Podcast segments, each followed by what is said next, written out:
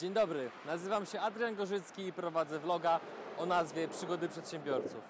Bardzo chciałbym powiedzieć, że to już ósmy odcinek, ale słowa już będę mógł użyć plus minus chyba dopiero przy setnym, więc jest to dopiero ósmy odcinek, jednakże jest on dla mnie szczególny, ponieważ mój gość, z którym będę przeprowadzał wywiad, kilka lat temu de facto on zainspirował mnie do tego, żeby założyć ten kanał, w którym macie okazję posłuchać wywiadów z bardzo doświadczonymi przedsiębiorcami.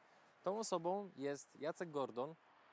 Nazwę firmy możecie zobaczyć za mną na budynku. Jest on właścicielem hurtowni motoryzacyjnej, która zatrudnia prawie 2000 ludzi na terenie Polski oraz krajów ościennych. Przychód za zeszły rok to jest, uwaga, mogę się tą informacją podzielić, 730 milionów złotych.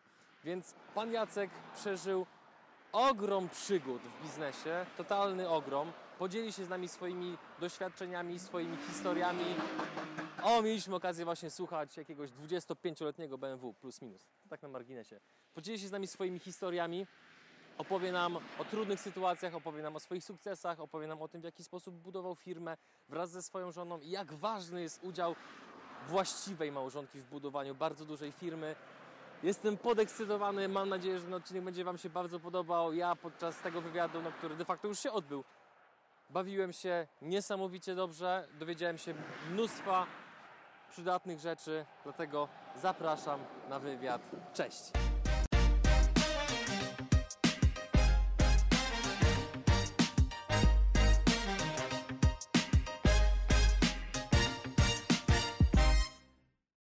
Dzień dobry, panie Jacku. Dzień dobry. Dziękuję, że Pan się zgodził na ten wywiad. Zacznę od tego, że jakby mało kto o tym wie, ale do założenia kanału Przygody Przedsiębiorców zainspirowała mnie kiedyś rozmowa z Panem. Jakieś 3 czy 4 lata temu mieliśmy okazję się chyba poznać po raz pierwszy. Jakby Tak. zgodził się Pan na to, żeby poświęcić mi trochę czasu i porozmawiać. I potem właśnie tak mnie troszeczkę to natknęło, natchnęło i mówię sobie, że e, myślę, że warto byłoby, gdyby tego typu rozmowy mogły też posłuchać inne osoby, a nie tylko ja, więc bardzo dziękuję za, za to, że znalazł Pan e, czas w swoim no, dość napiętym grafiku. No, mi też bardzo miło, że wspominasz tutaj o jakiejś roli mojej w tym, co robisz. E, Zresztą spotkając Ciebie pierwszy raz, gdy, się, gdy rozmawialiśmy, e, to widziałem w Tobie potencjał, że chcesz coś zrobić, że, że chcesz działać. To jest dobry początek dla biznesu. Dziękuję, dziękuję. Ba, bardzo, No to bardzo się nachwaliliśmy, tak, nawzajem. tak. Teraz przechodzimy do pytań, e, a mianowicie dla tych osób, które Pana jeszcze nie znają, z uwagi na to, że jakby jest Pan dość anonimową osobą w internecie, e, pomimo tego, że jakby zbudował Pan gigantyczną firmę, która zatrudnia prawie 2000 osób. Czy mógłby nam, zanim do tego dojdziemy, do hurtowni motoryzacyjnej Gordon, czy mógłby nam Pan o troszeczkę opowiedzieć, jak wyglądała Pana droga zawodowa przed hurtownią? Chętnie, chociaż to może trochę potrwać. Zaczynamy. Tak. E, Więc przede wszystkim dla, może nawet dla osób, które chcą wchodzić w biznes, y, czy będą w najbliższym czasie, y, muszę przedstawić swoją, tro, swoją historię od dzieciństwa. Pochodzę z, niezamożnej rodziny. mm, Tak jak za czasów komuny wszyscy zarabiali y, mniej więcej jednakowo, tak i moi rodzice y, też y, przynosili tylko pensję do domu. Mama mm, była hawciarką, to znaczy robiła e, firany, produkowali w spółdzielni i ona je wyszywała. Ojciec był urzędnikiem państwowym. Mm, Pamiętam, że mieszkaliśmy w domu, gdzie nie było ubikacji wewnątrz, a na zewnątrz pompa i, i e, w dwóch pokojach i kuchni mieszkała trzypokoleniowa rodzina. Teraz pewnie sobie trudno to wyobrazić, ale, tak. ale w, wtedy tak było i, i, mówię to w, w tym kontekście, że, mm, że biznesmenem można zostać będąc na, na dowolnym szczeblu społecznym, e, czy, do, czy, czy mając pieniądze, czy nie. Każdy ma szansę. Natomiast jak to się, jak to się odbyło? Przede wszystkim Mm, Też się zastanawiałem zawsze, dl- dlaczego ja, y, dlaczego mi się to udało. Mm, Nigdy do końca mm, ja sam nie znam odpowiedzi w pełni na to prawidłowej, ale wiem jedno, ojciec mój nauczył mnie szacunku do pieniędzy w ten sposób, że co miesiąc dawał mi taką pensyjkę, czy po prostu pieniądze na swoje wydatki, ale zachęcał, żebym oszczędzał Takie kieszonkowe. kieszonkowe. I być może, że to był dobry początek. W wieku 12-14 lat, dokładnie nie pamiętam, zarobiłem pierwsze swoje pieniądze, sprzedając na wszystkich świętych chorągiewki, które ludzie w groby, na grobach e, stawiają.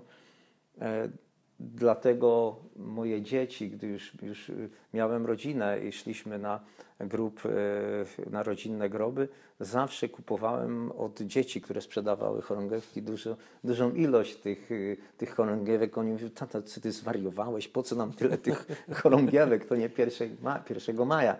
Natomiast y, miałem sentyment i mam do tej pory do tego, bo ja też w ten sposób zarobiłem pierwsze swoje pieniądze.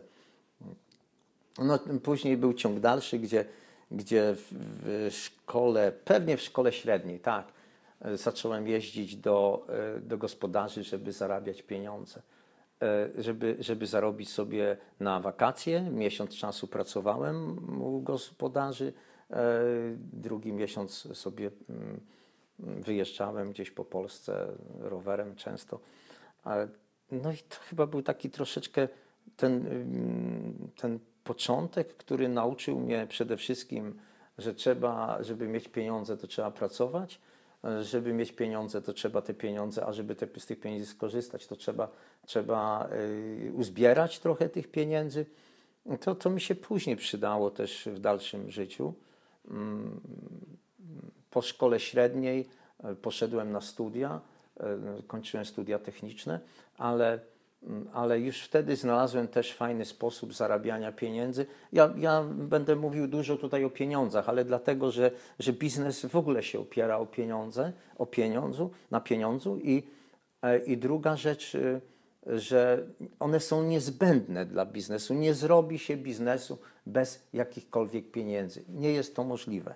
E, I ja na studiach od drugiego roku, bo pierwszy, pierwszego już, w pierwszym roku już nie mogłem jeszcze, e, zacząłem pracować w spółdzielni studenckiej. Mam przesympatyczne, przeciekawe historie e, zarabiania ogromnych pieniędzy. W czasie studiów e, zarabiałem w ciągu miesiąca takie pieniądze, jak mój ojciec może przez rok. Do tego wykorzystywałem książeczki. To, były czasy, że każdy student miał książeczkę, książeczkę, która, której mógł z spółdzielni studenckiej zarabiać pieniądze. Były tam jakieś limity. Ja od wszystkich z roku zbierałem książeczki, płaciłem im za to 10% i na, na każdą książeczkę powiedzmy mogłem zarobić 2000 zł, więc każdy ode mnie dostawał 200 zł, a ja y, mogłem y, y, pracować do woli. Mm, Przy wielu tych pracach mm, Niesamowite. wspomnę o najbardziej ciekawych może, bo to warto wiedzieć. To były czasy komuny, gdzie, e, gdzie mm, wszystko było rozdzielnikami robione i, i przypadek zrządził, że trafiłem do firmy, która chciała, żeby zrobić inwentaryzację boazerii, która jest y, w tej, w tej firmie. Więc ja chyba to wtedy był kierownik y, produkcji. Mówię, mówię, proszę pana, ale po co robić inwentaryzację boazerii? Mówię, proszę pana, bo mamy taki problem, że nie wiemy, jak wydać pieniądze na inwestycje, e, a boazeria i inwentaryzacja, inwentaryzacja boazerii e, spowoduje, że my te pieniądze wydamy. No ale po co wydawać? No bo mamy limity. Dostaliśmy w tym roku z ministerstwa powiedzmy 10 milionów złotych. Jeżeli wydamy tylko 5, to na przyszły rok dostaniemy 5 milionów na inwestycje. I rzeczywiście to, to był jeden z absurdów komunizmu, za, za, zarządzanie centralne. Więc, więc ja mówię, no to oczywiście pomogę panu w tym zakresie i rzeczywiście zrobiłem tą inwentaryzację bazerii. Dostałem duże pieniądze, ale pomyślałem sobie, przecież są zakłady w Bydgoszczy, niedaleko tutaj gdzieś w sąsiednich miastach, które mają ten sam problem. I mm, podzwoniłem do zakładów i rzeczywiście od razu trafiłem bodajże do Elany w Toruniu, bo to, był, do, to była potężna, e, potężna firma. I mówię, wiecie, ja wam mogę zrobić, spotkałem się e, z, z szefem produkcji, czy, czy- już nie pamiętam z kimś, z, z którymś z dyrektorów. Mówię, proszę pana, E, Czy wy macie problem z wydaniem pieniędzy na inwestycje? Oczywiście, że mamy. Firmy były w tych czasach przeładowane, e, firmy, które budowlane były przeładowane robotami. Więc mówi, no a ja mówię, a ja mam pomysł, żeby wydać te pieniądze. Jaki? No mówię, zrobię inwentaryzację budynków, hale po kilka tysięcy metrów. Mówię, zrobię inwentaryzację tych budynków, pan wyda pieniądze, to, to, był, to było wrzesień, październik. Mówię, pan wyda pieniądze z tego roku, które pan powinien wydać, a przepadną, na inwentaryzację. Zakład w przyszłym roku będzie miał te same pieniądze, a ja sobie zarobię. Pamiętam, że i rzeczywiście zrobiliśmy to. Z tym dyrektorem siedzieliśmy i powiedzmy, inwentaryzacja była od metra, od metra kubatury mm, płacona, a do tego jeszcze ten dyrektor mówił, proszę pana, ale bo to, to troszeczkę trwało, zanim zaczęliśmy to robić, więc się już rozpoczął okres zimowy i proszę pana, pan sobie dołoży jeszcze 20% za, za to, że e, to jest okres zimowy. Później mówi, a jeszcze 20, że jest, e, jest zakład w ruchu, bo takie są przepisy. I jeszcze, nie pamiętam, trzecie 20%. Panowie, ja, ja e, do domu, już jak zrobiłem tą inwentaryz- inwentaryzację, to w plecaku przywiozłem pieniądze. To były, to były takie pieniądze, które nie, no niewyobrażalne. Ojciec, pamiętam, mi to jest niemożliwe, że ty to uczciwą drogą zrobiłeś. Ja to zrobiłem legalne. Żerowałem na tym przez 2-3 lata. Mm, po studiach y, mm, pobudowałem sobie dom, ale to nie od razu, bo się bałem urzędu skarbowego. Ja, ja mimo wszystko oficjalnie miałem, że zarabiam tam 2000 zł, a, a, a 150 osób na roku było. Ja przynajmniej od tej setki miałem te książeczki. Czyli zarabiał pan trochę więcej. Więc y, też, ale znowu była inflacja potężna i jedną rzecz rozsądną zrobiłem. Y, Kiedyś było w sprzedaży y, złoto dentystyczne u jubilerów. To była taka próba dzie- 999 i kupiłem za te wszystkie pieniądze złota dentystycznego i jakby to powiedzieć, e, uratowałem y, wartość tego, tych, te, tego, co ja przepracowałem. Została zachowana. Tak. E, Skończyłem studia i pytanie, co robić. Oczywiście mogę iść na pensję, e, gdzie będę zarabiał mm, powiedzmy 2000 zł, średnią krajową. Nie podobało mi się to. Znalazłem kontakt dokładnie z moim krewnym, który był dyrektorem okręgowego przedsiębiorstwa, e, okręgowego przedsiębiorstwa surowców wtórnych. Mówi Jacek, mówi słuchaj, u nas ajenci, którzy prowadzą skup makulatury, zarabiają cztery razy więcej niż ja. Mówi weź sobie taki punkt. Rzeczywiście e, porzuciłem to, to pracę, gdzie, gdzie myślałem w swoim zawodzie pracować, ale porzuciłem to, tą myśl. No i otworzyliśmy z żoną e, punkt skupu surowców wtórnych. E, Znowuż to, było, to był biznes e, życia. E, Do, w tym czasie do, do takich punktów trafiały, e, trafiały surowce wtórne, które nie były żadnymi surowcami wtórnymi. Często to były nowe kartony, miedź, ołów.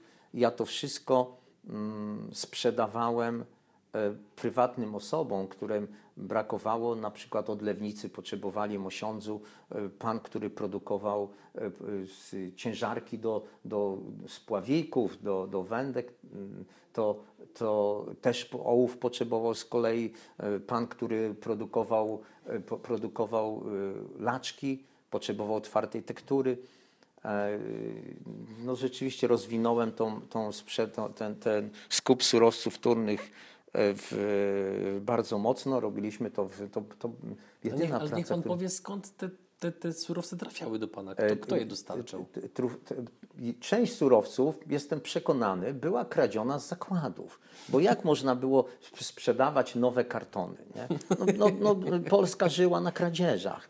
To, to myślę, ale też i poznałem takich bardzo fajnych, solidnych ludzi. Na przykład pamiętam panią, która codziennie przynosiła 4 kg makulatury. Były to mm, takie, takie kartoniki, gdzie kiedyś y, mm, komputery były, było y, y, były notowane czy, czy wykorzystywane do, do, do prze, prze, przechowywania danych kartki.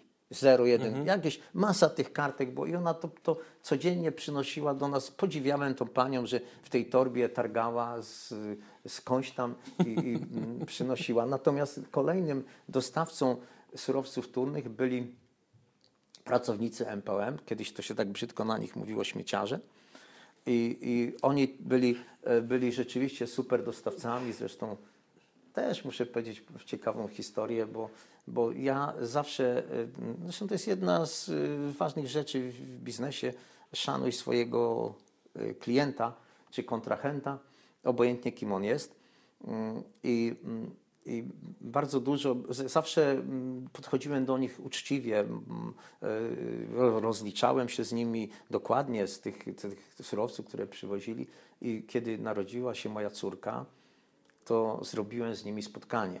E, zaprosiłem ich na, na jakby to powiedzieć, popijawę z okazji czy z, urodzenia się córki. Więc zrobiliśmy to po godzinie 18, jak oni skończyli pracę. Zresztą przesympatycznie to wyglądało, bo panowie, którzy zwykle w brudnych ciuchach y, przyjeżdżali do nas z, tymi, y, z tą makulaturą i przyszli w, ubrani w garniturki, a, a punkt skupu to, była, to był taki wóz drzymały. Siedzieliśmy na, na belach y, papieru, za stół był karton. Ja przyniosłem tam sporo wody, kiełbasy i coś tam jeszcze i, i żeśmy sobie sympatycznie długo pogadali. A ja, ja teraz myślę, że za komuny pierwszy raz zastosowałem e, marketing w, tym, w, tym w tej mojej działalności.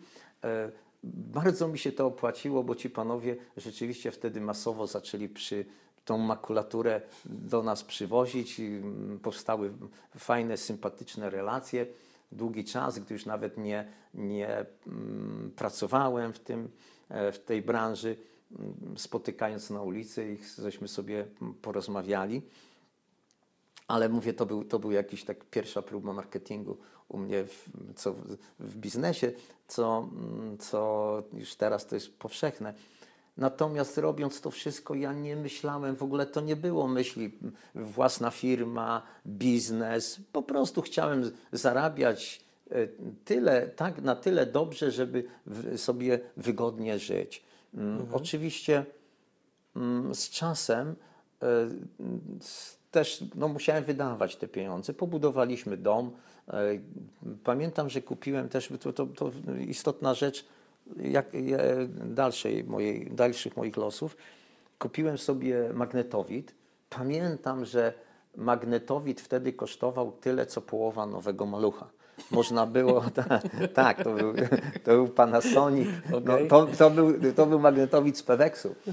I pamiętam, że, że maluch kosztował 400, się wpłacało część, jak, jak się chciało szybko dostać malucha, to się wpłacało część złotówek i połowę w dolarach. To, to akurat 400 dolarów lub 500 było, było hmm. trzeba wpłacić na tego malucha, a ja za tyle kupiłem ten, mm, ten magnetowid. Oczywiście szybko go schowałem, bo, bo, y, bo mm, po miesiącu y, znajomi przychodzili do mnie i ciągle w kółko te same filmy oglądałem. Parę pornusów, y, pewnie Rambo, nie wiem tam. Co, I później powiedziałem, że magnetowid się zepsuł, bo to przychodzili z wódką i e, codziennie picie i oglądanie tych samych filmów. A niech pan właśnie, właśnie powie, bo coś mi się przypomniało, jak pan powiedział na słowo klucz. Niech pan powie o tym biznesie przy dyskotece.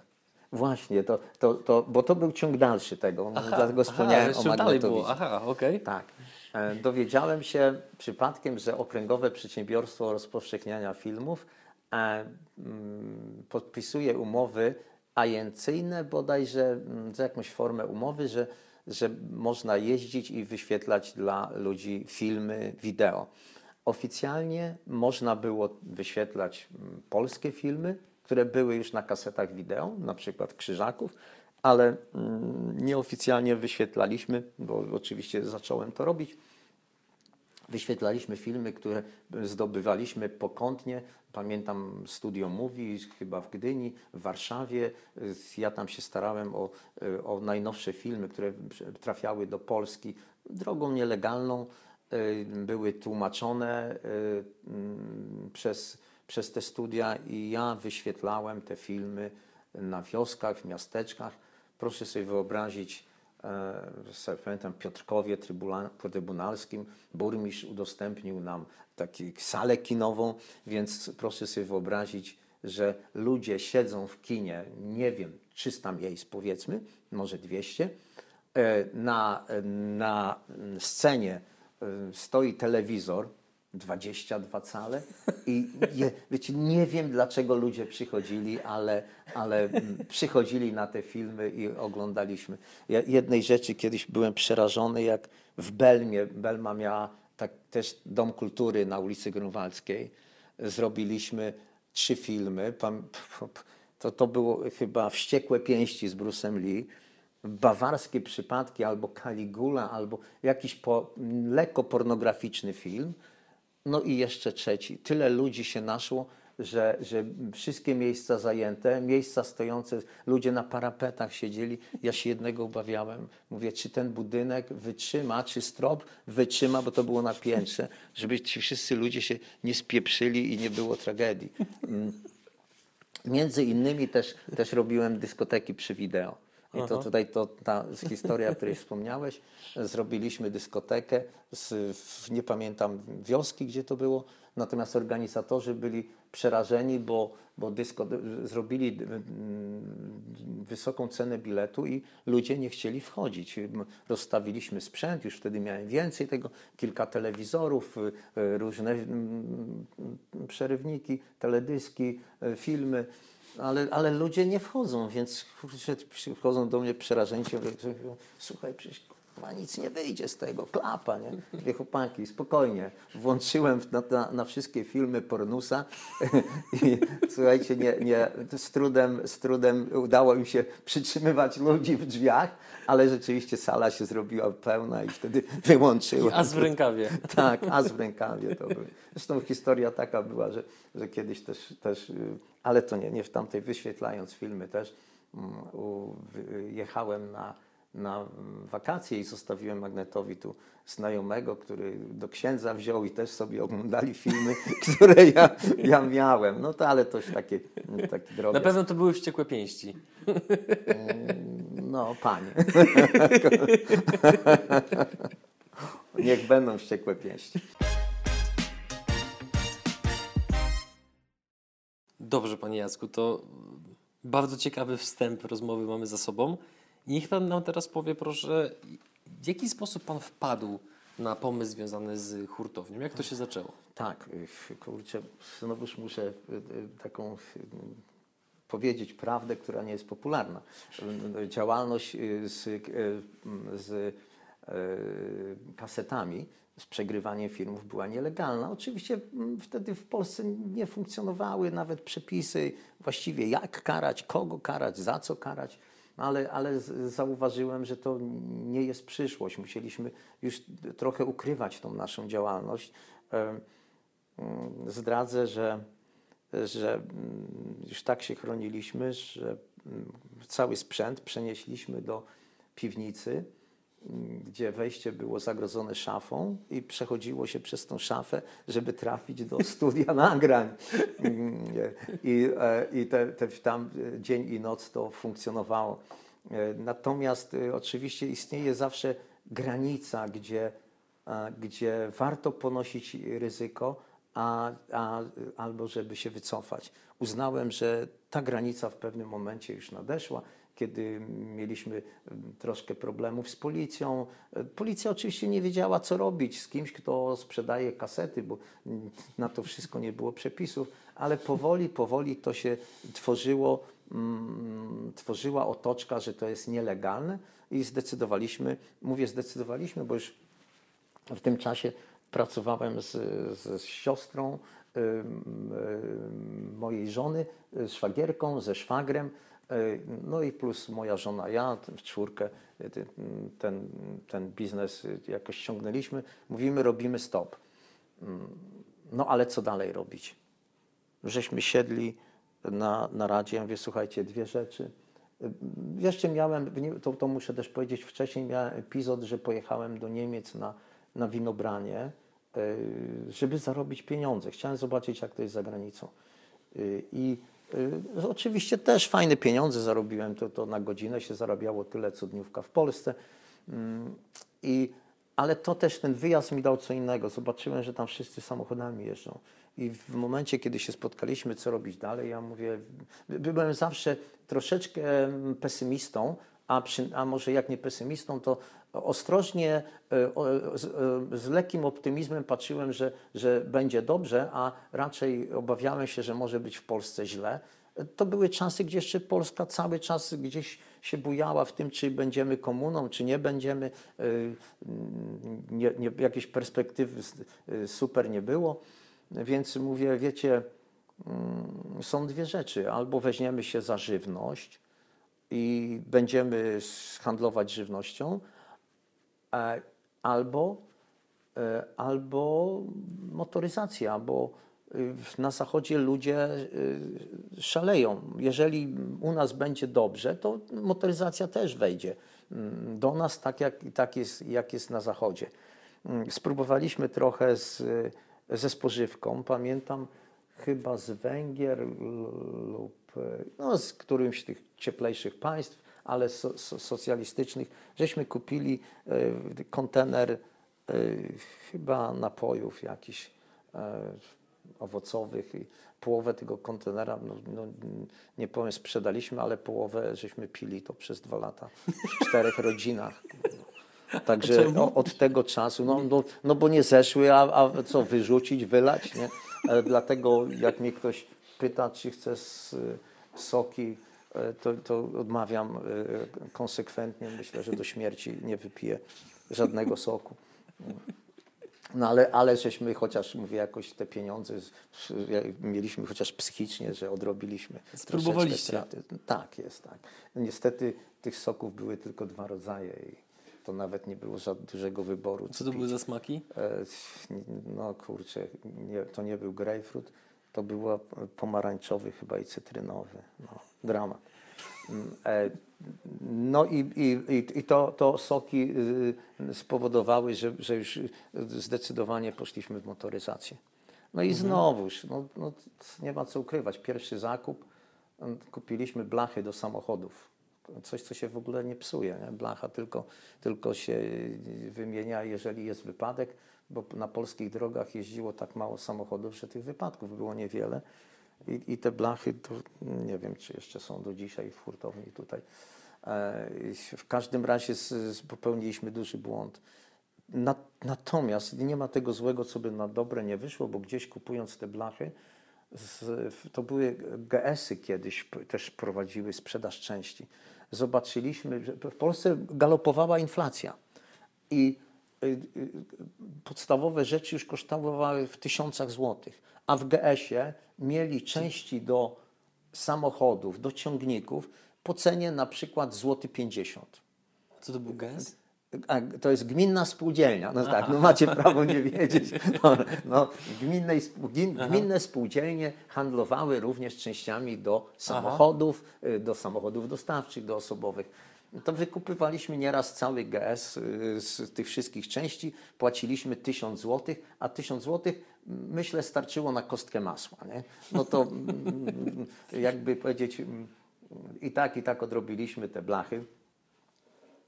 Natomiast, natomiast ym, znowuż ważna rzecz.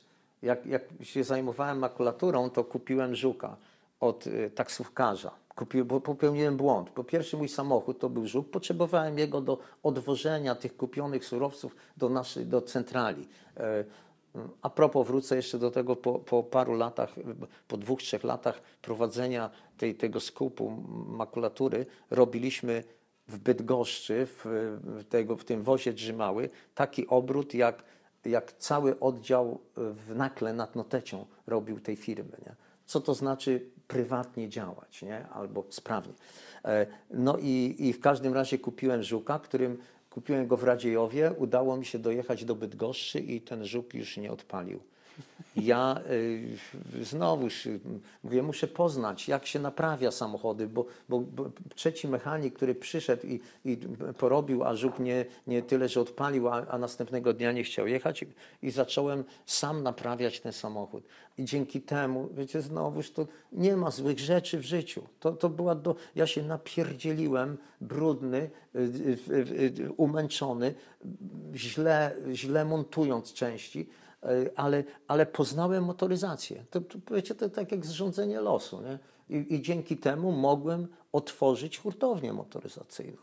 No taki był początek. No. A to proszę nam powiedzieć, na czym w ogóle polega działalność Pana firmy? Naprawiam żuki, które jeszcze ciągle, jakby ktoś miał, no, no, bo to jest moja specjalność. No, tak, się, zaczęło się od, od części do, do mm, malucha, mm, do żuka, do polskich samochodów. Myślę, mhm. że to był błąd, który popełniłem, bo, mm, bo firmy, które w tym czasie zaczęły handlować częściami do. Przepraszam, nie, źle, dobra, dobrze ruszyłem. To, to po trzech latach powinienem się prze, przekształcić na sprzedaż części do samochodów zachodnich. Prawdopodobnie firma by była znacznie większa, bo znacznie większe marże były od, y, do, do, w częściach mhm. samochodów zachodnich. Natomiast y, no, zajęliśmy się sektorem polskich samochodów. E, pamiętam, jak e, ja, ja byłem zaopatrzeniowcem, znowuż część rodziny tam sprzedawała, to jeździli po, po, po mm, klientach, natomiast wprowadziliśmy rewelacyjne rozwiązanie na tamten czas, rewelacyjne i rewolucyjne, bo ono rzeczywiście zmierzy, zmieniło y, obraz y, y, handlu częściami. W Polsce, jeśli chodzi o części samochodowe, funkcjonował, funkcjonowała sieć sklepów, które sprzedawały części. Ci sklepikarze jeździli do istniejących już dużych hurtowni, do Poznania, do Warszawy, stamtąd przywozili sobie części. Często musieli trzy razy w tygodniu jechać, y, robić zakupy.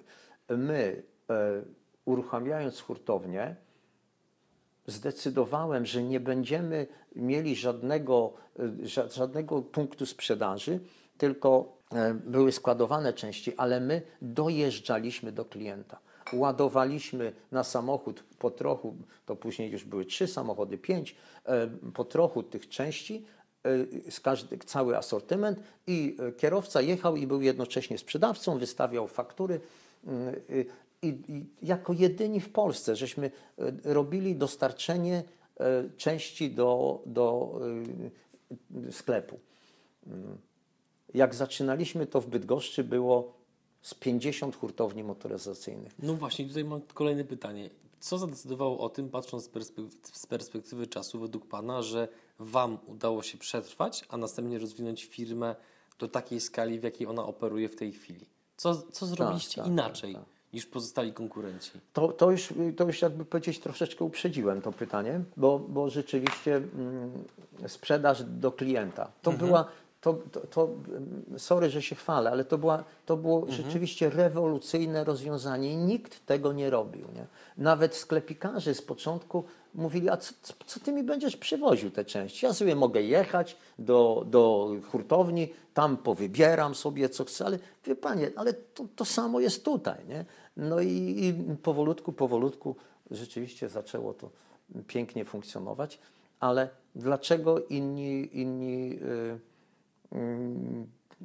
przegrali w tym wszystkim, bo, bo jak, jak y, w Bydgoszczy było około 50 hurtowni motoryzacyjnych, została jedna nasza. Nie ma żadnej firmy, która, mm, rodzimej firmy z Bydgoszczy. Te wszystkie firmy zniknęły. Mm, pytanie dlaczego?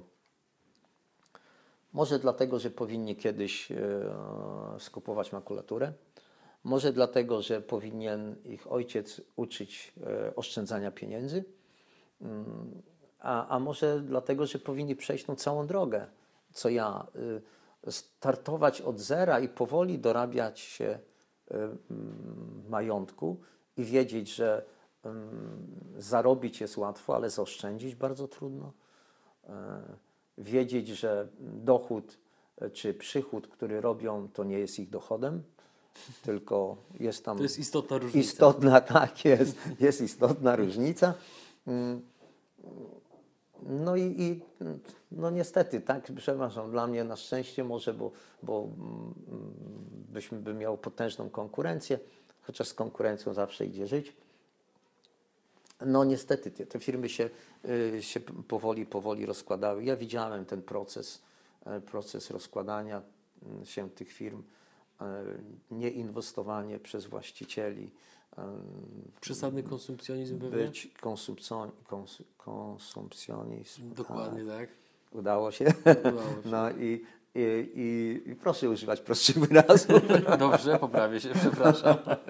No i, e, i co jeszcze? Y, Była taka pokusa z Pana strony, żeby te firmy na przykład przejmować, żeby je kupować? Żeby przejmować ich aktywa? Nie w tamtym czasie. Jeszcze byłem zbyt. y, Moja świadomość była zbyt mała, to pierwsze. E, Obawy, że nie wyjdzie to drugie. Nie, nawet nie byłem. e, Nie, nie miałem takiej świadomości, tak, tak to, to zdefiniuję. Nie miałem takiej świadomości, żeby przejąć y, jakąś firmę. Później już mi się to zdarzało. Nie? A W jaki sposób Pan jakby wykształtował w sobie, ukształtował w sobie tą dyscyplinę finansową, tą, tą, tą oszczędność? Bo jakby nawiązał Pan do tego, że został Pan tak wychowany i to rozumiem, natomiast jakby no końcem końców i tak to się sprowadza do jakichś pewnych procesów myślowych, do tego, że na daną... Na przykład pokusa kupna. Nie? No jest, jest że, że trzeba to powstrzymać. Nie? No, no właśnie jak? No, no, no, jak? No bo z tego, co Pan mówił, to co chwilę Pan jakby dostrzegał różnego rodzaju okazje, które Pan potem jakby skutecznie wykorzystywał. Tych pieniędzy było dość dużo. Pan był no, mło- bardzo młodym człowiekiem, a wiadomo, że jak są duże pieniądze i młody wiek, to nie zawsze jest rozsądek. A jednak u Pana ten rozsądek był. Co, co to spowodowało? E, e, e, Też się nad tym zastanawiam, ale myślę, że to, to całokształt tego, co ja przeszedłem, mm, przeżyłem i wyciągałem z tego wnioski. Natomiast, y, mm, natomiast co, co, co decydowało o tym? Wiedziałem jedno, ja to czułem, że, że jeżeli chcesz być kimś, musisz mieć w firmie pieniądze, nawet nie w domu. Firma musi być bogata. Y, y, Zawsze pamiętam, lubiłem czytać Stary Testament, co, mm, co ludziom wierzącym się, się często nie zdarza, ale to, to, to jest mądra, bardzo mądra książka. I, I tam mówiono o latach chudych i latach 7 lat chudych i 7 lat tłustych. Ja sobie zdawałem sprawę, że mm, jak jest dobrze, to może być po tym źle. I żeby zawsze patrzyłem na to, teraz też patrzę. Przetrwać ciężkie czasy. Trzeba mieć rezerwę kapitału, trzeba mieć towar i trzeba mieć dobrze zorganizowaną firmę. I, i właściciela, który nie będzie pieniędzy trwonił. Nie? Przy czym ja w ogóle nie lubiłem trwonić pieniędzy. Zbierałem na przykład 3 lata na rower jako dziecko i sobie ten rower kupiłem za swoje pieniądze. E, ale to mnie tyle kosztowało, tych różnych prac, które wykonywałem, jechać do gospodarza i gnój wyrzucać. Jestem w tym doskonały. Jak teściu, teściu, teściu ma gospodarstwo, to jak do niego jecha, przyjechałem pierwszy raz, i, no, inżynierek przyjechał z miasta, podejrzliwie patrzą, a inżynierek rano wstał, mówi teściu, mówi, ja ci, no, to, to jeszcze był panie Wojciechowski, mówię, to ja panu sprzątnę ten, w oborę, nie? Ale co ty sprzątniesz? No mówię, no, uwielbiałem to, jak, jak, wyświetlałem filmy, jeździłem, do, do, spałem u teściów z, z, z soboty na niedzielę i na poniedziałek, to ja, zadaniem i zresztą przyjemnością było e, u świnek posprzątać ten barłuk. E, Panowie, to by trzeba było zobaczyć, gdzie, bo świnie bardzo szybko brudzą słomę świeżą którąś i są unorane i nagle w tym, w tym całym syfie, wywożeniem tej, tej, tej gnojowicy na, na zewnątrz, nagle świnki sobie siedzą, bo nasypałem im y, mm, słomy czyściutkiej, bielutkiej. Słuchajcie, jakie to zadowolenie ze swojej pracy daje. Każdemu bym życzył, żeby coś takiego potrafił zrobić. Ale zapomniałem, po co to mówię. A czy y, rozmawialiśmy jakby tutaj o oszczędności w ogóle? Aha. Tutaj jeszcze jakby mam takie jedno nawiązanie, bo kiedyś Pan mówi, mówił mi o tym, jak już Pan jakby rozwijał właśnie hurtownię, to był taki moment, że Pana tutaj pracownicy jeździli nowymi samochoda, samochodami dostawczymi, a Pana taki samochód powiedzmy prywatno-służbowy. To był Polones. tak, to i tam, i tam chyba typu. pracownicy wręcz nalegali na Pana, żeby Pan ten samochód zmienił. To Nie, jest to, taki to, to, to troszeczkę inna historia. Bardzo, to, to też jest tak, że. I, i, o, to też jest przykład No na właśnie- to rozwijanie się firmy. Tak, nie? tak. Dlatego A- chciałem nawiązać. Dlaczego ja, mm, ja miałem wydawać pieniądze na drogi samochód? E, Już po, się pojawiły za, za, zachodnie samochody. Dlaczego ja mam wydawać, jak, jak ja nie przynoszę zysku dla tej firmy? Tak naprawdę zysk przynoszą pracownicy, którzy jeżdżą samochodami. E, Kupiłem sześć nie nowych, ale, ale dwuletnich e, samochodów Ducato, Ford Ducato, bagażówki i wszyscy rzeczywiście pra, pracownicy jeździli zachodnimi samochodami, a jeden mieliśmy piękny samochód, tak a propos, wiecie, czarny przyjechał, facet mówi, panie, ma, miałem jednego dostawcę tych samochodów, proszę pana, mam piękny samochód, nie? Mówi, niewyjeżdżony, nie? Mówi, mm, rewelacyjnie, sztywne zawieszenie, ale mówi, jest problem, że jest czarny, nie? Wie panie, no to z zakładu pogrzebowego. Nie, nie z zakładu pogrzebowego.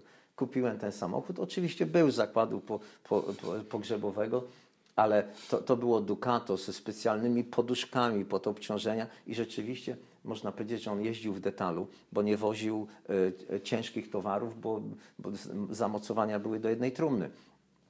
Natomiast, natomiast powiem Wam, że, że mm, tak jak kiedyś słyszałem, że w sa- samochodzie, gdzie ktoś zginie, to trupem śmierci. Ten samochód, do, do, do, jak długo mieliśmy, miał zapach kwaskowaty, zapach jak z kostnicy. Nie, nie szło, nim ropą czyściliśmy. Mycie. Nie udało się tego, tego, y, tego z, y, zlikwidować. Nie?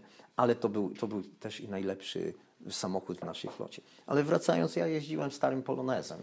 Y, Dosyć długo. Pamiętam później kupiłem, kupiłem, kupiłem, policja to miała Vento samochód e, i, e, i kupiłem go od, od gościa, który tam sprowadzał i naprawiał. E, Problem z tym samochodem był, że cały tył chyba on dospawał inny i, i, i e, ciągle wodę miałem w bagażniku. Pojechałem na spotkanie m, gdzieś do Kędzierzyna chyba, na spotkanie dostawcy przyjechali plus klienci, zrobiliśmy tam huczną imprezę, no i ja tym samochodem podjechałem i jeden bardzo sympatyczny dostawca mówi, ty, mówi Jacek, jakim ty gównem przyjechałeś na to spotkanie? Mówi, zobacz, ci mechanicy mają o wiele lepsze samochody niż ty. Mówi, ty weź zmień samochód na normalny.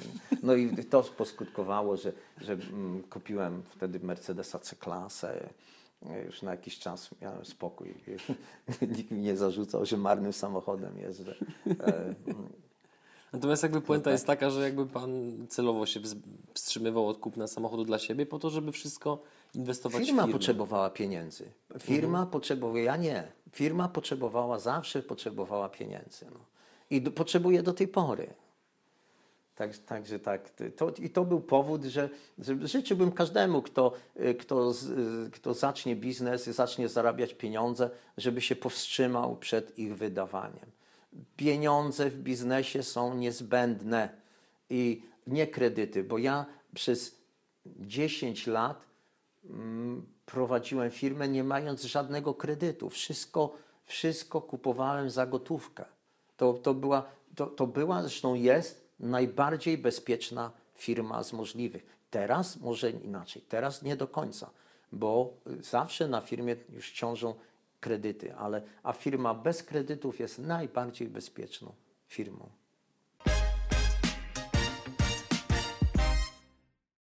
Robiąc sobie przerwę, mm, rozmawialiśmy na temat właśnie wykorzystywania okazji i Pan powiedział taką bardzo cenną puentę. Czy mógłby Pan ją powtórzyć? Mm, Tak, że każdy, każdy człowiek w życiu e, trafia na okazję, ale mało ludzi te okazje zauważa. E, Ja nie opowiedziałem o, o wszystkich biznesach. Tak, znowu tylko wtrącę jedną rzecz. Otworzyła się granica między demokratycznymi a federalnymi Niemcami. I nagle Niemcy demokratyczni dostali markę demokratyczną, na, więc wymienioną na markę zachodnią i mieli ogromne pieniądze. Zauważyłem, że jest zapotrzebowanie na rowery na granicy.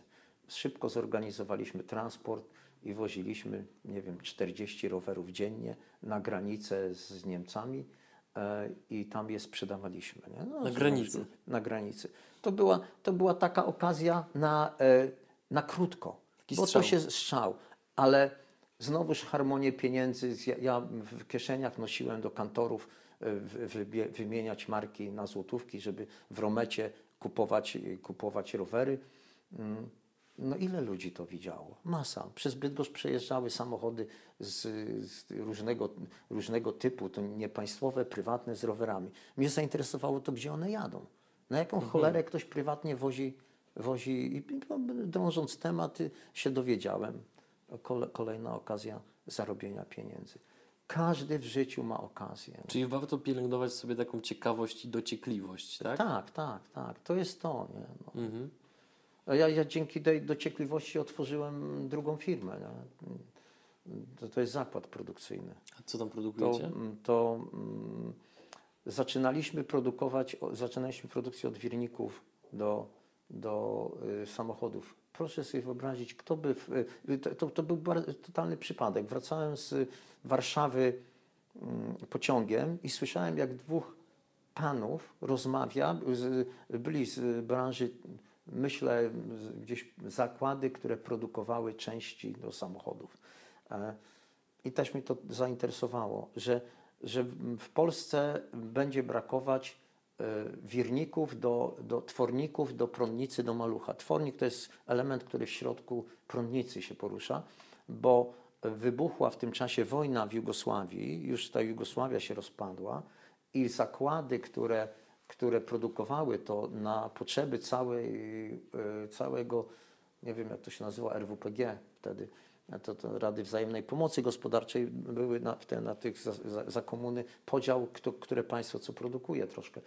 I zostały zbombardowane i nie będzie, nie będzie tych tw- tworników. Ja sobie myślę, kurczę, tak słuchając tych panów, już tak zacząłem mówić, ja przecież ja mam wuja, świętej pamięci już teraz, ale genialny facet, który kiedyś projektował w Poznaniu y, silniki i, i y, budowę tych silników. Pojechałem do niego, wuja, jesteśmy w stanie coś takiego zrobić? Jesteśmy. I z, otworzyliśmy po, po produkcję, produkcję mm, wirnika do, do, do, tego twornika, do prądnicy. Y, To, jak mówię, to jest to coś prostego, niebywale trudna rzecz. Ilość wykrojników, narzędzi. Powiem, że tam dziesiątka, dziesiąta y, czy setna milimetra to, to stanowiło dużą różnicę. Ale przy okazji muszę wspomnieć, że mm, jednocześnie jakby pamiętam przed domem sąsiada, który zresztą u mnie pracował, do, przyszedł do niego jego kolega. Mm, Wiecie, patrząc na tego kolegę, pomyślałem sobie, e, to powtarzam wielu osobom, prawie niemożliwa rzecz, ale powiedziałem sobie, kurczę, jak ja bym chciał, z tym, żeby ten człowiek u mnie pracował. I udając, że coś tam robię, podszedłem do nich i, i zagadałem.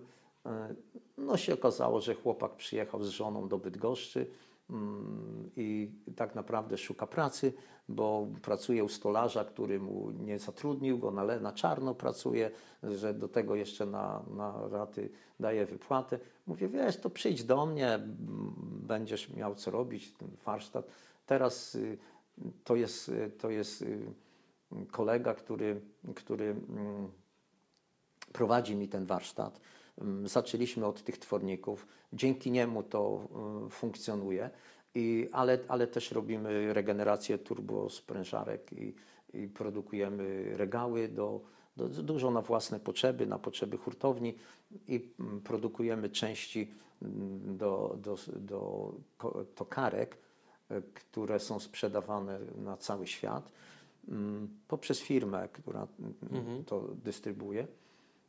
Natomiast, natomiast komfortem w, tym, w tej całej działalności mojej jest to, że ja w tym zakładzie nie bywam.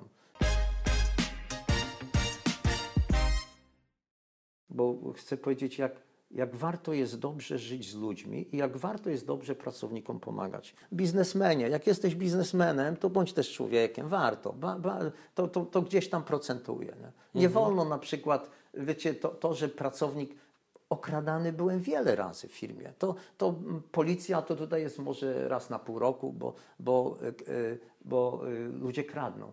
Ale nie można, nie można pracowa- traktować pracownika jako złodziei, że wszystkich. Że ja nie lubię pracowników, bo oni są złodzieje. Nie? Jest, złodziejem jest ten, który ukradnie. A, a wiecie, nieraz jeszcze z tym, który mnie ukradł, to spotkam się, wie panie, czy warto było panu kraść? No. Teraz pan będzie miał problemy, bo to, bo tamto, bo siamto, nie. I, i tak, że, e, mm, a ja, ja nie wiem, jak teraz to wygląda, bo, ale, ale kiedyś, gdy jeździłem jako zaopatrzeniowiec do firm, to, to spotykałem się z właścicielami, którzy wręcz brutalni byli wobec pracowników. Pamiętam jednego, jednego mm, pana, od którego kupowaliśmy części, już niech będzie, że to w Solcu Kujawskim. Mm, Ja przyjechałem wcześniej, jego jeszcze nie było. Sympatyczni pracownicy. E, On wchodzi do, do, do biura, mm, rozgląda się. To dla mnie kurwa jeszcze kawy nie ma? Ja pierdzielę. Wiecie, co sobie pomyślałem? Ja bym mu zrobił tą kawę, będąc pracownikiem, ale bym napluł do tej kawy, nie? Smacznego mu życzyłem, kurde, bo sobie myślałem, że ci pracownicy to samo. Wiecie, autentyczna historia, nie? No. Kim ten człowiek się czuł? No, co, co on miał więcej niż ci ludzie, nie? Na pewno we łbie miał mniej, nie? No. To prawda. A jak już, jak już jesteśmy przy takich właśnie, powiedzmy... Z- z- Zeszliśmy z tematu. Nie, nie, nie, jakby to, cieszę się, że jakby rozmowa płynnie przechodzi po prostu w różne kwestie, natomiast jeżeli już dotknęliśmy takich tematów, powiedzmy, takich cieni biznesu, trudnych sytuacji typu właśnie kradzież i w ogóle, to czy mógłby nam jakby Pan przybliżyć trudne sytuacje właśnie w historii prowadzenia Pana firmy i w jaki sposób Pan sobie z nimi poradził, jakie wnioski wyciągnął? Żeby jakby ludzie nie musieli popełniać tych samych błędów, tylko żeby mogli jakby tutaj powiedzmy posłuchać. A, a, pana doświadczeniach. wie pan, błędów się nie uniknie w biznesie. Nie ma biznesu bez błędów. To jeżeli ktoś mówi, że, że tam głaciutko, równiutko, to mówi nieprawdę. To niech chociaż popełnią inne No. błędy. No, no właśnie, tak, tak, tak, tak. Bo to, bo to nie da rady. Ja, ja mm, także popełniałem błędy. Na przykład w tym, że zaufałem. y, Firma osobom pewnym. Firma była mm, bliska rozłożeniu, gdy, y, gdy ja oddałem władzę tutaj osobie mm, z rodziny, mm, ale y, nie chcę tak za bardzo mówić, bo y, gościu i tak, i tak y, nie żyje już, mm, popełnił samobójstwo, ale, ale tak rozpieprzył firmę, że ja, ja sobie, to, to też był troszeczkę okres, kiedy, kiedy moja mama zmarła, e, przepraszam, ojciec zmarł, mama została sama, ja dużo, dużo mm, mm, problem z tym, że, że bardzo potupadła na zdrowiu, y, skleroza i tak dalej. Dużo czasu poświęcałem jej i jakby powiedzieć, odpuściłem sobie firmę. Wiecie, panowie, pół roku i, i ludzie y, rozpieprzyli tak firmę, że ciężko było ją postawić na nogi. Nie? I to, to był no, oczywiście mój błąd. Nie, nie, nie powinienem, powinienem mimo wszystko y, pilnować firmy. Nie? Oczywiście można powiedzieć, ale dobrze, że byłeś, zajmowałeś się mamą. Niedobrze. Firma musi istnieć, nie? Bo, bo jeżeli by firma nie istniała, to bym nie mógł się mamą zajmować, bo bym nie miał, nie miał y, życie jest bezwzględne w takich sprawach. Biznes jest bezwzględny. Ja, ja zresztą w momencie, jak moja mama trafiła do szpitala, Ja e, wiedziałem, że umrze, prawdopodobnie, to, to duże prawdopodobieństwo.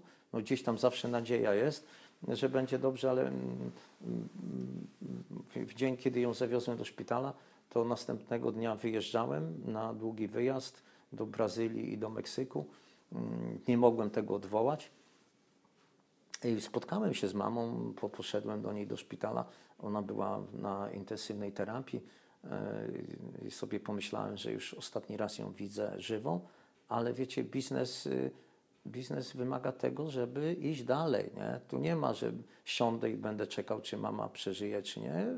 Oczywiście myślę, że to przez moich znajomych i sąsiadów było różnie odebrane, mm, ale ale ja y, postanowiłem tak, że to jest konieczne i tak, tak zrobiłem. Wyjechałem. Y, W trzecim dniu, będąc w Brazylii, dowiedziałem się, że mama zmarła. Mm, y, sobie myślałem, czy powinienem tam być, nie? Ale, ale e, jeśli ja będę umierał i moje dziecko by mm, prowadziło firmę i powiedziała, tata, ja muszę iść do firmy, a ty możesz w tym czasie umrzeć, to bym powiedział, masz iść do firmy, bo ja i tak umrę, nie? To, to, ale znowuż, y, różnie ludzie mogą to odebrać i każdy ma prawo do własnej oceny takiej sytuacji. E, Natomiast mówię to dlatego, żeby powiedzieć, jak czasami są trudne decyzje, gdzie e, co wybierać, jak wybierać i, i trudne są wybory. Jakby nie warto chyba pochopnie oceniać ludzi, którzy takich wyborów dokonują, bo jakby nigdy nie znamy wszystkich szczegółów, wszystkich jest. elementów, prawda? Tak jest, tak jest, tak jest. Ale pan pytał też o trudne momenty w firmie. Mm, Rzeczywiście było ich trochę. No to, to wtedy, gdy mama chorowała, mm, to, to mówię, tak odpuściłem firmę.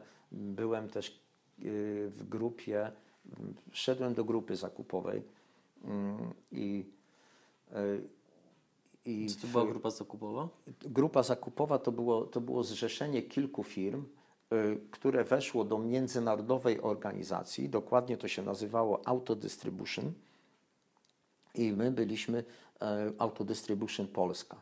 Z tym, że e, była pro, tak propozycja, żebyśmy się połączyli kapitałowo. W, e, w ty, sześć firm. Trzy firmy się połączyły, trzy się nie połączyły. Ja stanowczo powiedziałem, że się nie będę łączył, bo, bo mm, ja wiem, jak prowadzić swój biznes i nie chcę, żeby ktoś mi się wtrącał. W- To może jeszcze później powiem o tym, o, o tworzeniu spółek, ale, ale po prostu chcę sam prowadzić firmę. I rzeczywiście po, po trzech czy czterech latach, mm, zresztą bardzo dobrych dla mnie, to, to było, to było y, My wtedy y, żeśmy przechodzili z polskich samochodów na zachodnie. Nie mieliśmy dostępu do zachodnich części. Dostawca, który do nas przyjeżdżał, zapraszaliśmy dostawców i dostawcy, którzy przyjeżdżali, mówią, słuchaj, ale ty handlujesz polskimi częściami, ty nie będziesz umiał sprzedawać zachodnich części. Nie? E, Więc nie, i nie dawali nam towaru. Nie mogliśmy dostać żadnego towaru na, z, zachodnich y, producentów.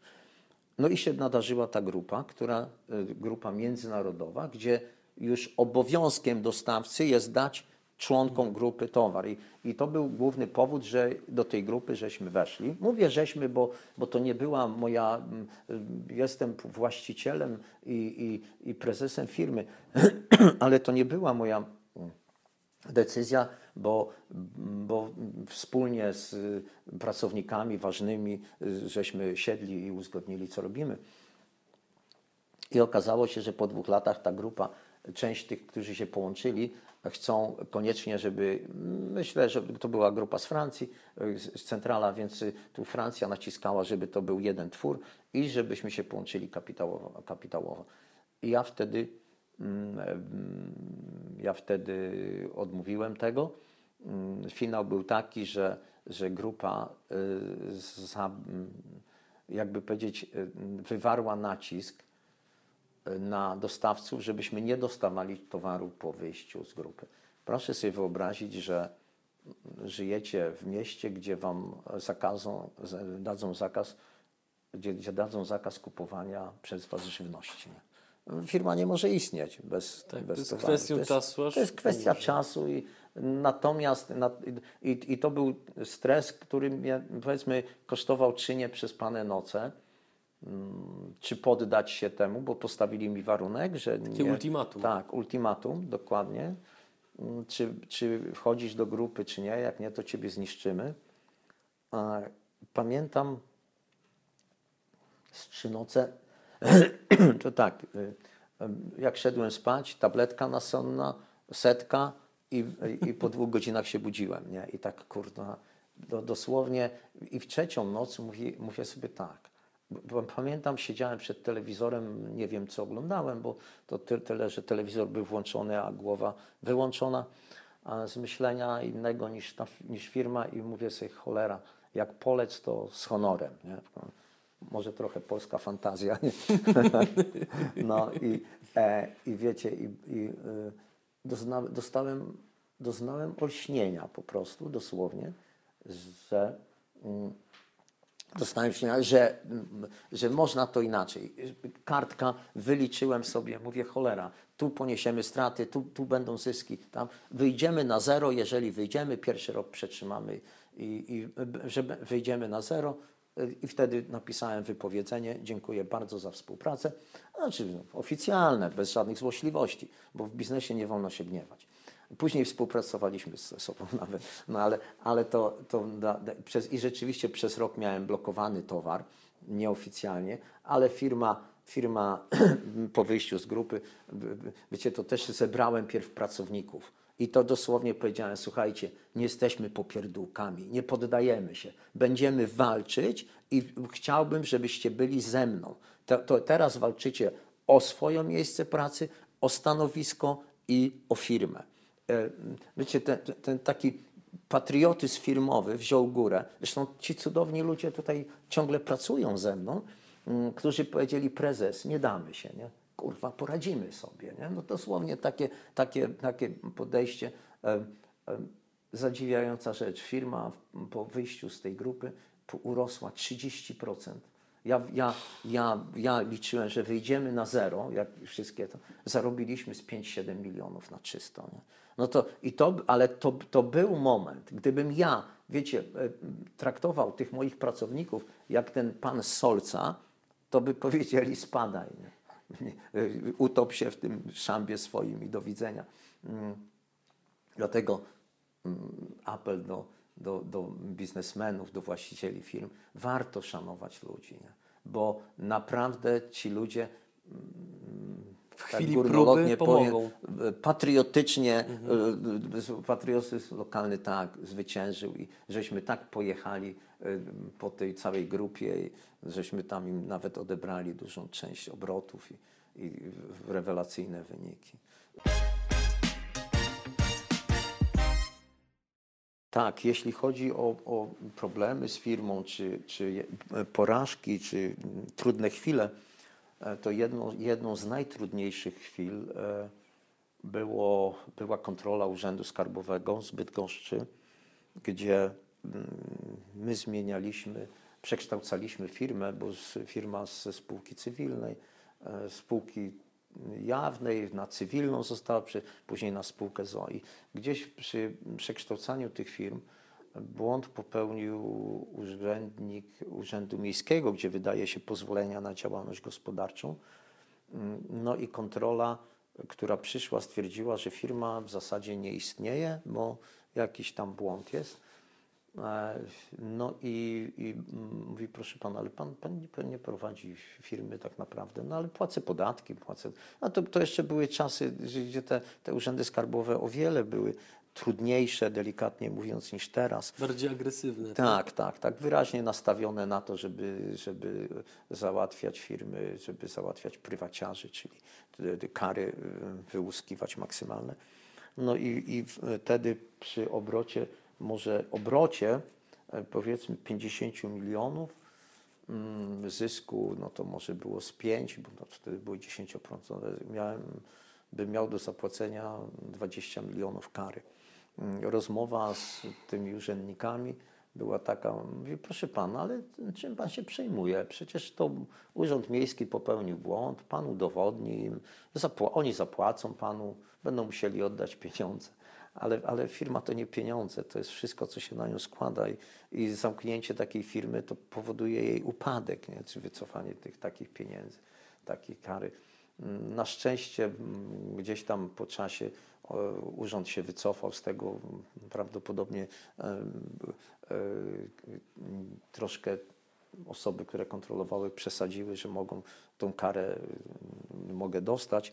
No i się okazało, że, że zostałem zwolniony z tego. Ale to znowu jest wyjętych, myślę, parę dni z życia. Nie wiem, ile tam straciłem, ale troszeczkę pewnie będzie. No i, i to też są, mm, to marzyłoby mi się, żeby urzędy skarbowe mm, były przyjazne dla firm, y, żeby, żeby pouczały y, w pierwszej kolejności, a nie karały. Nie mówię ewidentnych przekrętów, gdzie, gdzie ludzie omijają płacenia podatku, VAT-u czy, czy dochodowego, czy, czy nie płacą ludziom mm, bo, bo mm, każdy powinien prowadzić w miarę prawidłowo y, firmę, ale też y, jesteśmy tylko ludźmi, czasami księgowa się pomyli, y, czasami właściciel. Y, Natomiast, natomiast w Polsce niestety ludzi, którzy, biznesmenów, ludzi, którzy prowadzą działalność, uważa się za e, złodziei. Ja kiedyś, kiedyś y, ma, mam tutaj czasami w firmie młodych ludzi, którzy przychodzą na praktyki, staram się z nimi chwilę porozmawiać o biznesie, zadaję im takie pytania, czy, czy pytam, a czy jak uważacie, ludzie biznesu są ludźmi uczciwymi czy oszustami? No mówię, kto jest za to, że to są ludzie uczciwi, niech podniesie rękę. No, dwie ręce, że uczciwi, a na przykład 10, czyli reszta, to że to są oszuści. Ale to jest takie przekonanie w społeczeństwie, Tak jest, tak, tak. Mhm. Natomiast zadaję później pytanie, a których z was, kto z Was by chciał prowadzić własny biznes? No wszyscy, prawie, albo 80. Ja mówię, no ale słuchajcie, to wy chcecie być oszustami, bo, bo tak, tak oceniacie mm, y, ludzi biznesu. E, Później, jak, jak, jak pytam o tych, którzy z kolei, że uczciwi, to zwykle rodzice prowadzą jakąś działalność. No. I te dzieci wiedzą, jak to jest ciężko. Nie? Ja, wiecie, były w Polsce czasy przekrętów, gdzie, gdzie ktoś zdobył całą fabrykę y, za jakieś tam marne pieniądze. Mm, No i to mm, ukształtowało też obraz, obraz y, ludzi biznesu, ale to nie tylko. Historycznie Polsce zawsze, w, czasach powojennych, to był kułak, który miał ziemię, był prywaciarz, który miał zakład prywatny i badylarz. To były nawet takie obraźliwe nazwy tych ludzi. No i jeszcze kamienicznik, który, który też miał, e, miał kamienicę i wykorzystywał biednych robotników, bo musieli oni płacić czynsz. Nie? Mm, Także to, to, to y, y, nastawienie to jest niestety historyczne nastawienie do, do ludzi biznesu. A wracając do tego jeszcze, mm, że mm, przy tej, w, czasie transformacji w Polsce mm, dostali ludzie okazję, mieli okazję, czy że, z, że przejęli mniej czy bardziej uczciwie firmy, to powiem osobiście, to, to powinni wszystkie przejąć i niechby im się udało je odbudować. To by była większa korzyść niż ściganie tych ludzi, że coś tam nie do końca zrobili. Nie? A mamy przykład kopalni, które, mm, które, które y, są cały czas państwowe i trzeba do nich dopłacać. No to one, to, to te kopalnie nie żyją z tego, co zarobią, tylko my za to płacimy. Więc czemu? Ja bym komuś dał, kto chce za złotówkę taką kopalnię. Albo zrobić przetarg, no kto da, jest cena wywoławcza kopalni złotówka, kto da więcej. No bo końcem końców ta, ten właściciel będzie płacił podatki, No. Będzie, będzie zatrudniał ludzi, podnosił efektywność no, takiego przedsiębiorstwa, prawda? Ale, ale niestety trzeba by wychować społeczeństwo w szacunku do pracy. To, to jest i to, i to pokazać, że, że, że ktoś, kto działa prywatnie, on ma o wiele więcej problemów niż pracownik, który przychodzi na 8 godzin. Ja nie mówię, że, nie umniejszam tutaj roli pracownika. Oni są niezbędni, a, a dobrzy pracownicy to, są, to jest cudowny dar dla pracodawcy. Mm, I, y, a, ale też i te podejście i, ym, i ilość pracy, które, które wykonują te dwie grupy, właściciel a, a pracownik, są zupełnie różne. Znaczy, Często ludzie sobie nie zdają sprawy właśnie, ile jakby na ile obowiązków ciąży na pracodawcy, Tak ile jakby jest, z ilu tak, elementów się składa cały biznes, prawda? Nie mają pojęcia. No, nie mają pojęcia. A tu proszę mi powiedzieć, w jaki sposób według Pana powinien postępować przedsiębiorca, jeżeli jego ambicją jest zbudowanie firmy tak dużej jak Pan, w której Pan zatrudnia plus minus około 2000 osób? Co jest jakby kluczowe w zbudowaniu tak dużej organizacji? Bo to, że dobrze należy traktować pracowników, to już wiemy. To Ale czy coś jeszcze? Tak, tak, tak, tak. Mm, Ja mogę powiedzieć na swoim przykładzie, co, co, że sobie myślę, co, e, co e, spowodowało tą sytuację, że firma tak się rozrosła. Pierwsze ludzie. E, Dobór e, kadr od małej firmy w górę, wybierać ludzi z firmy, dać dobrym ludziom możliwość awansu. Ja powiem, że jak długo prowadzę firmę, nigdy przyjmując pracownika do pracy, nie pytałem, jakie ma wykształcenie.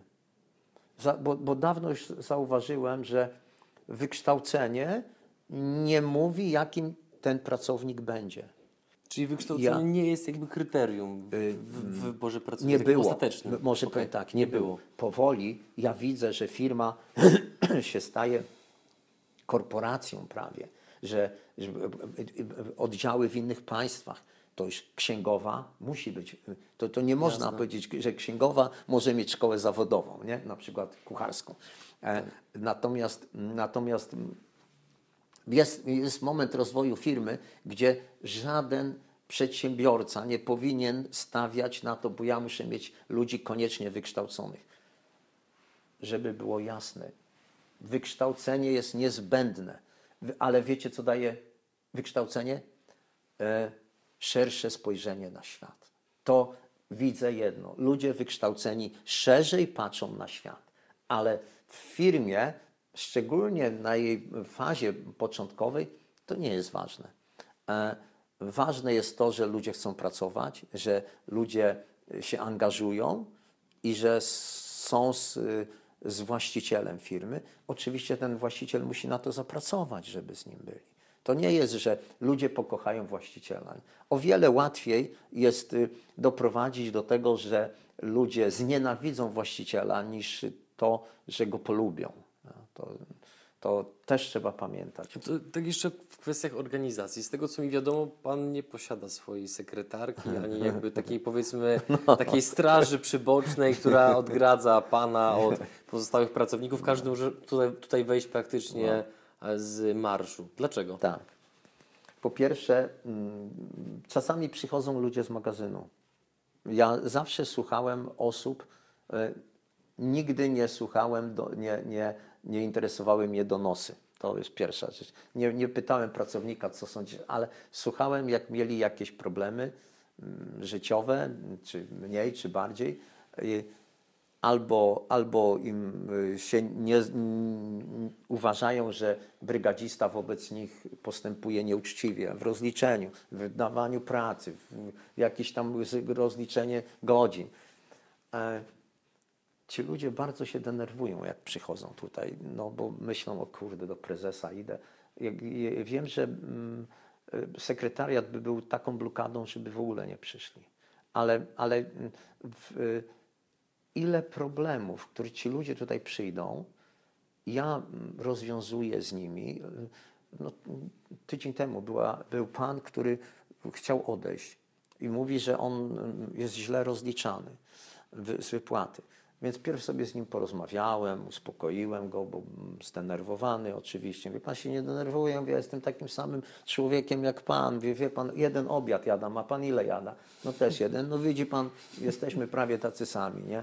No i, i, i mówię, teraz sobie porozmawiajmy o tym, jaki problem. Się okazuje, że on mm, przy tym akordzie tracił czas na pewne rzeczy, które robił. Ja, ja poprosiłem brygadzistę, on, on powiedział, co jest i mówię, proszę pana, no, są tam na fi- firmie są sektory, on mówi, ten, ten pracownik, mówi, panie, bo to pan nie daje mi na ten sektor, a tam się najlepiej zarabia. No to mówię, proszę pana, to od jutra damy pana na ten dobry sektor, ale musi pan to, to i to zrobić. Słuchajcie, po, po tygodniu się dowiaduje, że facet jest zadowolony, wy- wy- wypłata jemu się zwiększyła. Czasami ten brygadzista nie ma czasu po, po, po, powiedzieć wszystkiego, albo jest czymś zdenerwowany, bo na- nadmiar tirów przyjechał i, i trzeba to rozładować, ułożyć. Też jest tylko człowiekiem, prawda? Też jest tylko człowiekiem.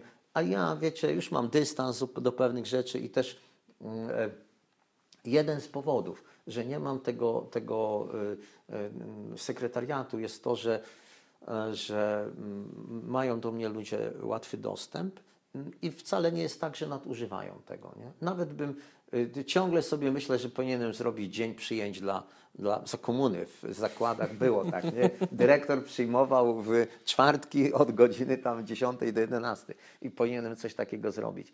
Ale jest jeszcze inna rzecz zauważyłem, przyjeżdżają do mnie, tak, taką sytuację, przyjeżdżają do mnie e, goście, nowi, dostawca, czy tam, który, a pierw przedstawiciel handlowy, później szef przyjeżdża i, i mówię, słuchaj, wiesz co, no tutaj ten, chodź sobie zrobimy e, kawę, nie?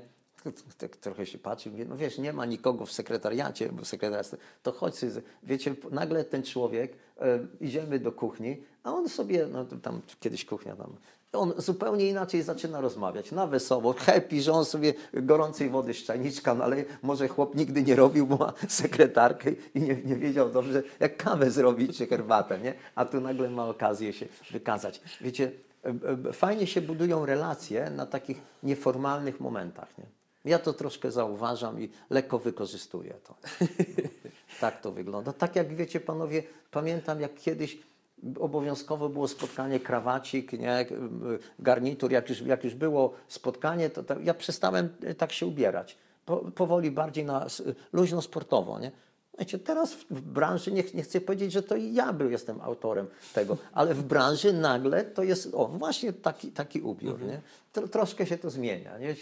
Ludzie są bliżsi sobie wtedy, nie? Zau- Zauważcie panowie, dystans, dystans kurczę, Adrian w przerwie mówiłeś, żebym po imieniu mówił, dobra. E, e, I, i zauważ, że, że m, e, jak ludzie są bardzo oficjalnie ubrani, to oficjalnie się dzieje coś. Bardziej spięta Tak, atmosfera. tak, tak. Nie, nie Znacznie. ma tego luzu, który nie. Tak. No. A właśnie nawiązując do bliskości, to podobno przez te wszystkie lata w budowaniu firmy pomagała panu żona. Jak to się stało, że spędzając ze sobą tyle czasu i w firmie, i w domu, jakby udało wam się jakby no po prostu żyć w zgodzie, że nie mieliście tego przesytu? To są. No tak. E, Znaczy ja poniekąd znam odpowiedź na to pytanie, bo miałem przyjemność poznać pana małżonkę. Mhm, e, prze, przesympatyczna kobieta, natomiast jakby no, Mm. ciekawi mnie, jak to z pana perspektywy wygląda. Em,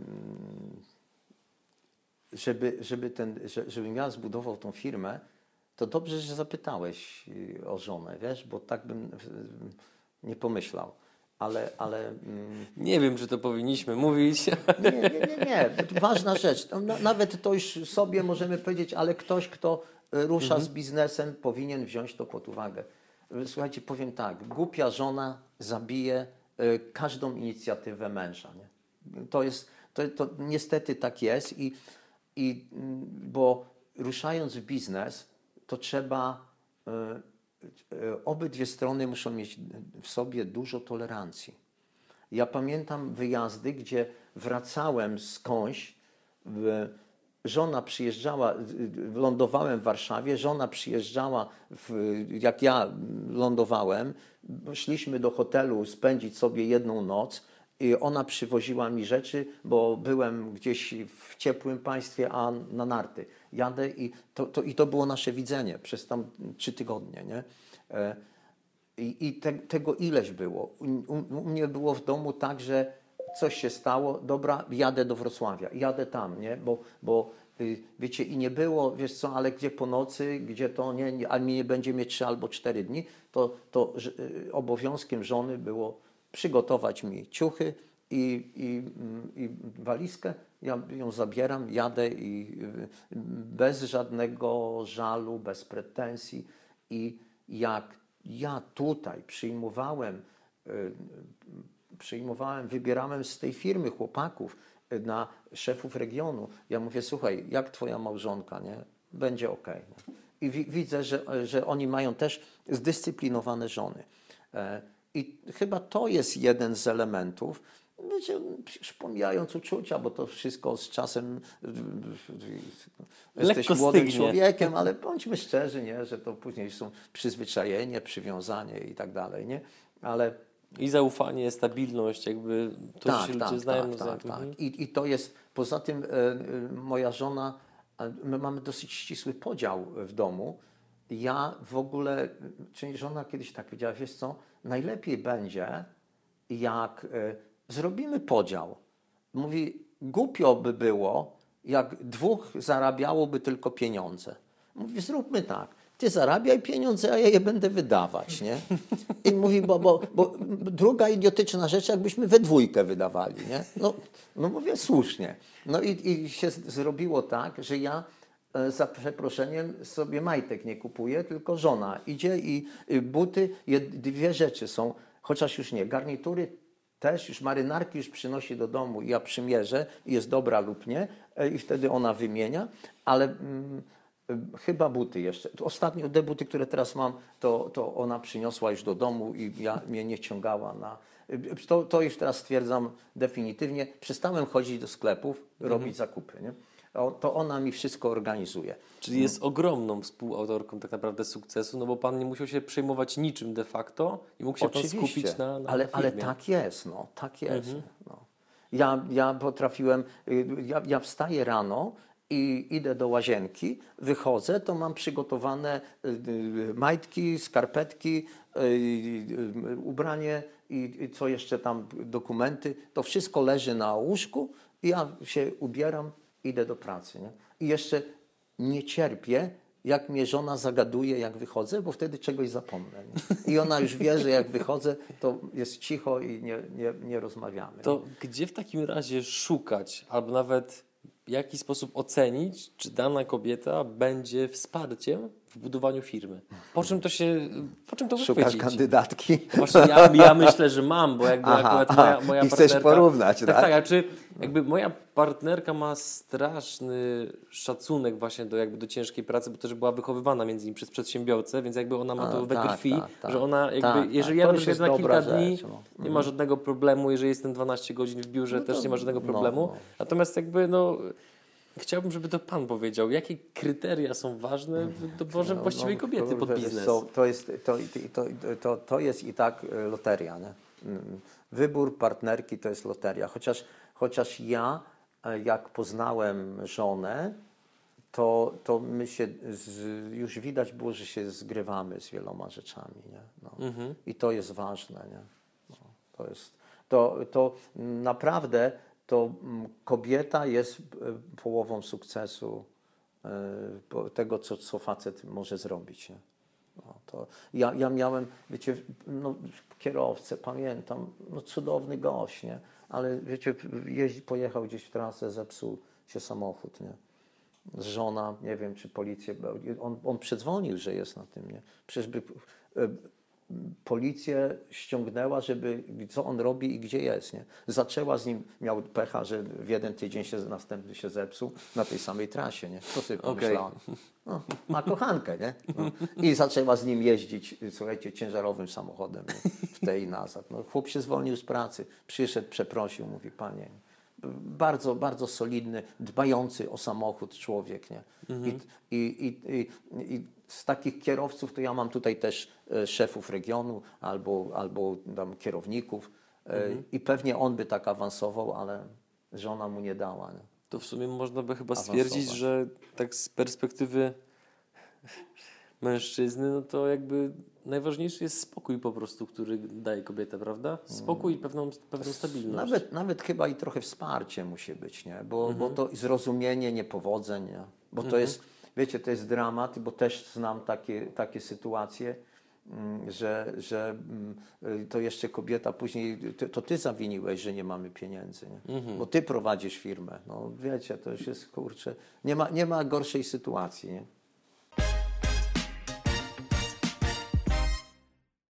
Niestety, powoli zbliżając się do końca, mam jeszcze pytanie dotyczące tego, jak patrząc z perspektywy czasu, jakby co Pan zrobiłby inaczej, mając obecną wiedzę i doświadczenie?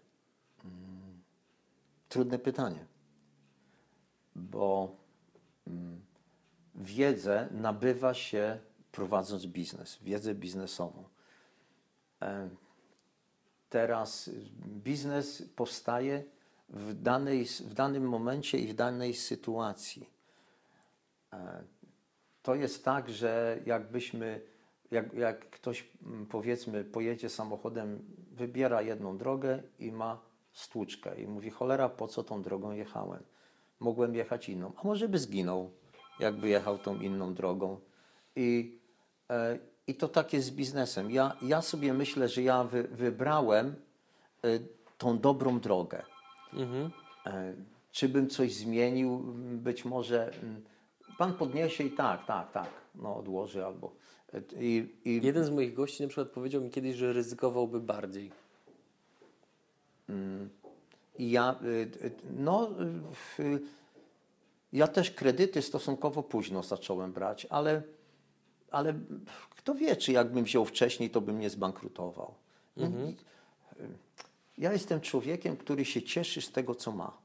I nie, nie, nie myślę, że cholera, spieprzyłem sprawę, bo bym firma 100 milionów więcej obrotu zrobiła. Ale co, co to jest? Ja, ja i tak jestem szczęśliwym człowiekiem, że coś takiego się udało. Do końca nie wiem jak, bo mówię tutaj te różne historie, ale, ale jakbym miał e, e, e, pod pręgierzem wypowiedzieć dokładnie co, to bym powiedział nie wiem. Nie?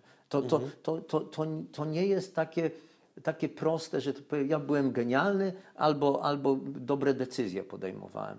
Po fakcie wiemy, że decyzja jest dobra. Nie?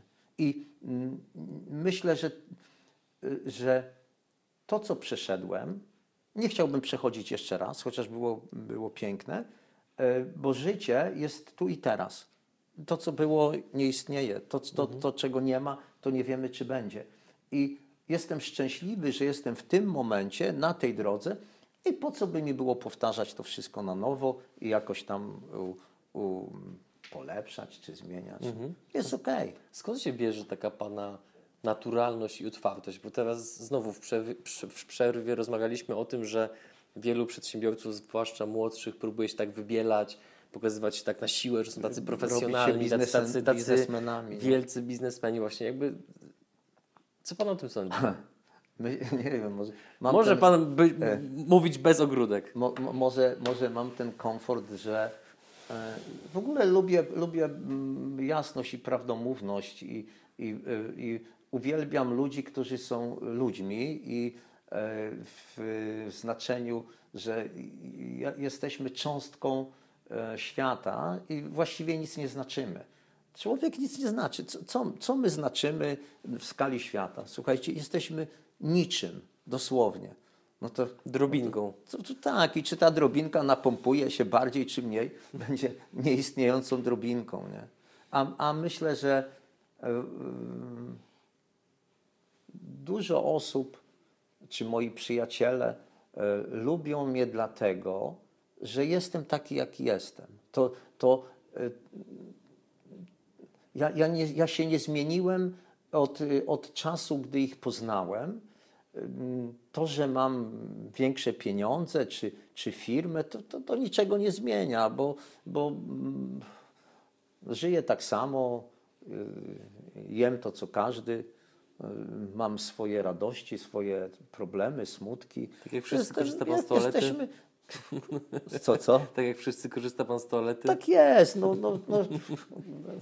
A że, że, że mam tą, tą przyjemność, że mogę sobie pozwolić lecieć samochodem w trochę lepszych warunkach niż inne osoby. Jakby coś, to bym z powrotem wsiadł do klasy ekonomiki i też bym poleciał i bym nie narzekał. Bym sobie wziął tam krzyżówki do rozwiązania i czas by tak samo zleciał. No i to, i to, to takie, myślę, że jedynie w ten sposób można na to odpowiedzieć i, i, i znowuż no, taki apel do, do młodych ludzi, którzy zaczynają biznes. Bądźcie sobą, obojętnie ile pieniędzy zarobicie. Słuchajcie, to, mm, to, to, to niczego nie zmienia tak naprawdę w stosunkach międzyludzkich czy, czy w życiu. Nikt nie jest ważniejszym ani, mnie czasami krępuje, jak, jak na przykład gdzieś jestem na spotkaniu, sadzają mnie obok ważnej osoby, dlatego żebym co, poczuł, że, że jestem szanowany. Tak mnie trochę denerwują takie rzeczy. Bo w ogóle podobno Pan nie lubi, jak się do Pana mówi prezesie. E, Nie, panie prezesie. To jest nie. panie prezesie. Nie, proszę, staram się, się tutaj, bo tak, no mam swoje lata i, i, i, mm, i dużo osobom mówię po imieniu, e, a czasami się gubię, raz mówię po imieniu, raz pani e, tam, Kingo, czy, czy a czasami Kinga, ale, ale mówię, y, chłopaki, no, no razem przebywamy, to no mówcie do mnie, no, no, mówię nie po imieniu, ale mówcie do mnie prezes, to jest moje drugie imię i, i ja, ja nie chcę, żebyście mówili panie prezesie, bo to mnie... Nawet powiem, że jak przyjeżdżają osoby, e, bardzo oficjalnie bankowcy rozmawiają i mówią panie prezesie, kurczę, nie, nie wiem, czy wypada zwrócić uwagę, czy nie, że mówią, nie, mówcie do mnie prezes, nie, ale być może, że w tych bardzo oficjalnych e, kontaktach to jest to konieczne. Mhm. No, tak Pan ma 60 lat, prawda? Tak, tak. 60 lat. Jakby abstrahując od tego, że jest Pan Tak. nadal aktywny sportowo, gra Pan w piłkę, biega Pan. Tak, jakby tak. z tego, Dużo, dużo dyscyplin uprawiam tak, z tego, z tego co wiem, jakby e, stopniowo przygotowuje Pan firmę do procesu sukcesji. Tak. Jak to się jakby odbywa? Jakby, czy może nam Pan troszeczkę zdradzić? Jakby może jakby nie chodzi nam o, o szczegóły, tylko Tak, bardziej o to, jak to w ogóle zrobić, żeby przekazać tak potężną firmę w, w ręce kogoś innego. No, ja, ja mam ten problem, że mam, źle powiedziałem, że ona usłyszy, że mam dwie córki. E, ale, ale to mężczyźni odpowiadają za płeć, nie? Także kurczę, nie ona jest winna. A, i, e, i, mm, y, no i do tego jeszcze e, po- poszły w medycynę, jedna i druga. I jedna jest, jest doktorem dermatologii, dermatologii, a druga mm, dentystką, stomatologiem. E, Córki trochę przygotowywałem do tego, młodszą szczególnie, bo starsza mm, po studiach zaraz wyjechała do Poznania, bo tam robiła specjalizację, doktorat. E, Młodsza była tutaj, z, mm, z, przepraszam, wyjechała na, na, mm, też na wakacje, wyjechała do, studiowała chyba w Gliwicach. E, W każdym razie na Śląsku, bo tam tych miast jest y, tyle, to prawdopodobnie Gliwicka uczelnia. No ale ona była, była starsza, miała tam chłopaka w Poznaniu, więc tak nie przyjeżdżała na wakacje. Młodsza była w każde wakacje w domu i, i uczyła, i przychodziła do pracy do firmy. Ja, mm, ja mm, chciałem, żeby ona pracowała, żeby poznawała firmę. Mm, na- Natomiast też już wcześniej troszeczkę o tym myślałem. Jako, jako y, jeszcze dzieciaki, to, to starsza córa na przykład była na, pracować na, wiecie, gdzie, gdzie naprawdę nie musiała, ale to chodzi y, pracować y, gdzieś tam na zmywaku w, w Sopocie y, bodajże i, i troszkę, niech mówię, poznają Uczyło życia. to szacunku do pieniądza. Tak prawda? jest, tak, tak. No, więc młodsza jeździła na przykład na zbieranie truskawek tutaj pod Koronowo i, i żona mówi, czemu ty ją tam wysyłasz? I przecież ona, e, ona daje jej te 20 złotych. Czy nie, nie, mówię, to niech się uczy. Nie? Ale to też jest taki dobry początek, bo, bo mm, i, i, w, w, rozmowy w domu często doty, do, dotyczyły firmy. Ja wspomniałem tutaj o Radku Szulcu. To ja moim dzieciom pokazywałem, jak należy szanować. Mówię, słuchajcie, o, o Radku dużo żeśmy rozmawiali, bo on w tej filmie, tam, słuchajcie, to jest, to jest naprawdę taka jedna z jaśniejszych postaci w moim życiu. Tak samo zresztą szwagier, który jest cały czas ze mną, przeuczciwy człowiek. Szwagierka też pracuje w tej firmie. To, to też były te, te trafy, które nam były jakby potrzebne do tego sukcesu. Mm. I, i, i ja, ja z dziećmi o tym rozmawiam, rozmawiałem, bo już teraz no, mm, rozjechały się troszkę po świecie, po, po Polsce. E, I, e, i mm, myślę, że to, to jest taka jakby baza tego, żeby, żeby mm, one w tej firmie pracowały. Być może, że, że będą pracować. Natomiast, natomiast tak patrząc na, na córa ma dziecko, drugie będzie, to kobieta nie powinna prowadzić firmy. To jest, to jest za duże zaangażowanie. E, Ale ja mm, przygotowuję firmę na to, że kiedyś mnie nie będzie. Nie? To no, inaczej, ja już może powinienem mieć przygotowaną, ale mam nadzieję, że jeszcze, jeszcze tam parę lat dam radę to i, i przygotuję firmę. Jak to się robi właśnie?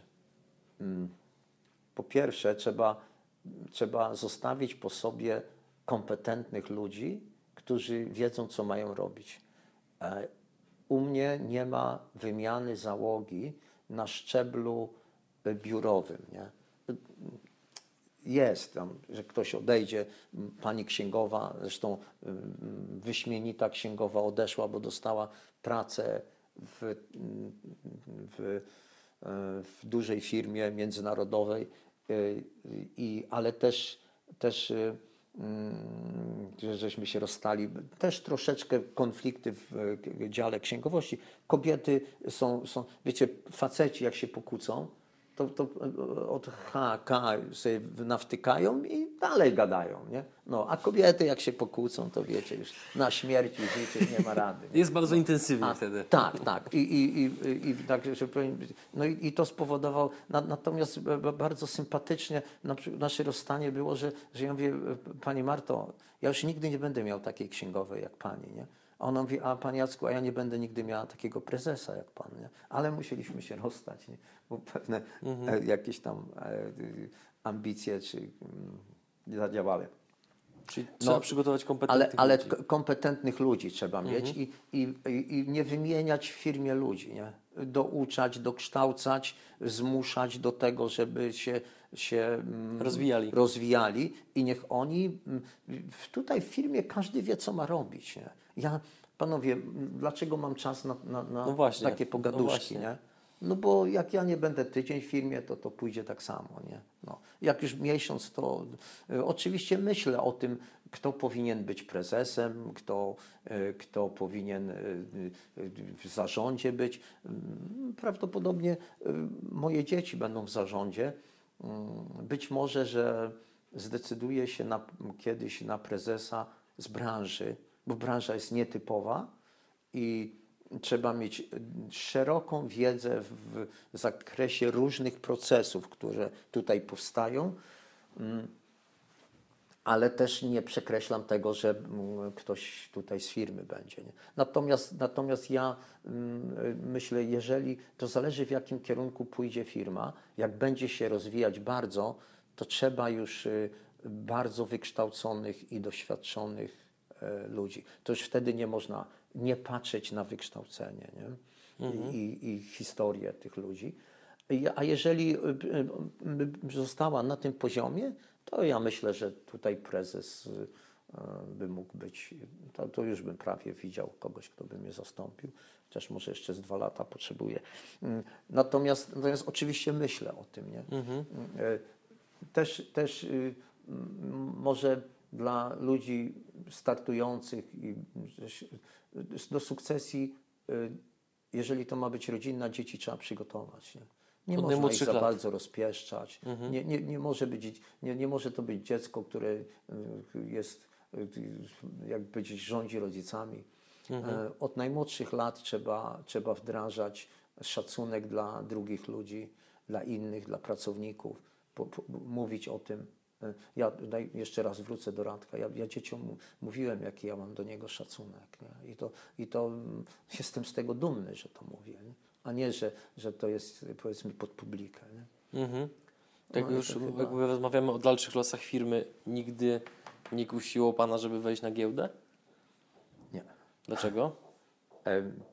Na razie starczy mi pieniędzy. A, a co swoje, to swoje. Okej, No. dobra. Być może, że, być może, że sytuacja spowoduje, że, że firma zacznie się rozwijać 40% rok do roku. To, to, to by zbankrutuje z powodu rozwoju. No to wtedy będę musiał wejść na giełdę wcześniej, nie? Bo, bo zabraknie pieniędzy na rozwój. Nie? Mhm. A czy jacyś Pana konkurenci wchodzili na giełdę? Tak, tak. Są, są, jest, y, na, na giełdzie mm, była firma Fota. Niestety to, to, był, to był kiedyś gracz numer jeden. Nie? Jak myśmy robili 200 milionów obrotu, to firma Fota mm, e, robiła e, chyba 700-800. Nie? Po, po Bogdan y, na spotkaniach, to też tak ciekawe, bo ten, ale Bogdan zawsze mówił, że już czas jest oddać te nasze firmy ludziom zarząd, pod zarząd. On to zrobił. Nie? Po trzech latach nie było już firmy. Nie? Nawet nie, nie, nie nadawała się do sprzedaży. Nie? Czyli ci ludzie z zarządu nie traktowali tej firmy tak, jakby była ich, nie więc nie dbali aż wiedzą, tak. nie, nie wiecie, to, to wychowankowie firmy są najlepsi, nie? Mhm. ale to, to brak wiedzy, brak doświadczenia. Nie? Tutaj na przykład jak mamy stratę, jest miesiąc straty, mogę powiedzieć, że dramatycznie było dwa miesiące temu, bo firma 2,5 miliona straty przecież jeden miesiąc poniosła. Człowiek, który by był z zewnątrz, powiedział, no podnieście ceny o 3% i mamy zysku 2 miliony, a nie straty ale podniesienie cen może spowodować spadek sprzedaży tak duży, że że nagle będzie wtedy nie 2,5, ale 5 milionów. A my mamy systemy, ludzie tutaj, którzy są, siedliśmy, co robimy, jak i, i już tam myślę, że aha, w następnym miesiącu już było dobrze i, i że te, te zyski przyjdą. Czyli trzeba mieć ogromną wiedzę, żeby... Mhm. Ogro- to trzeba wiedzieć wszystko o firmie. No. I dlatego kogoś z zewnątrz wpuścić to też jest trochę niebezpieczne, ale jeżeli o, by była firma giełdowa, jeżeli by to się nagle zaczęło rozwijać, musi i tak, i tak być, być y, ktoś, kto ma już wiedzę korporacyjną, nie? gdzie ja tej wiedzy nie mam. Nie? Ja mogę, ja o, mogę mieć, już wtedy bym nie mógł mieć y, y, sekretariatu bez sekretarki, Mhm. bo to już by wymagało, wymagały tego. Panie Jacku, co Pana napędzało przez całe życie? Co pozwalało wytrwać, kiedy było trudno? I co zrobić, żeby takie cechy w sobie rozwinąć? Co mnie napędzało? Nie wiem, y, ja, ja zawsze y, czułem potrzebę, znaczy ja lubiłem pracować. Pamiętam jako dziecko, kopali, y, to osiedle Błonie powstawało i, i, i tam pracownicy ręcznie z wiaderkami jakimiś tam wy- wyciągali tę ziemię, żeby tam kanalizację kłaść. Ja poszedłem, tak, tak, no ile miałem? 6 lat? 8? chyba może trochę 8, może- nie, nieważne.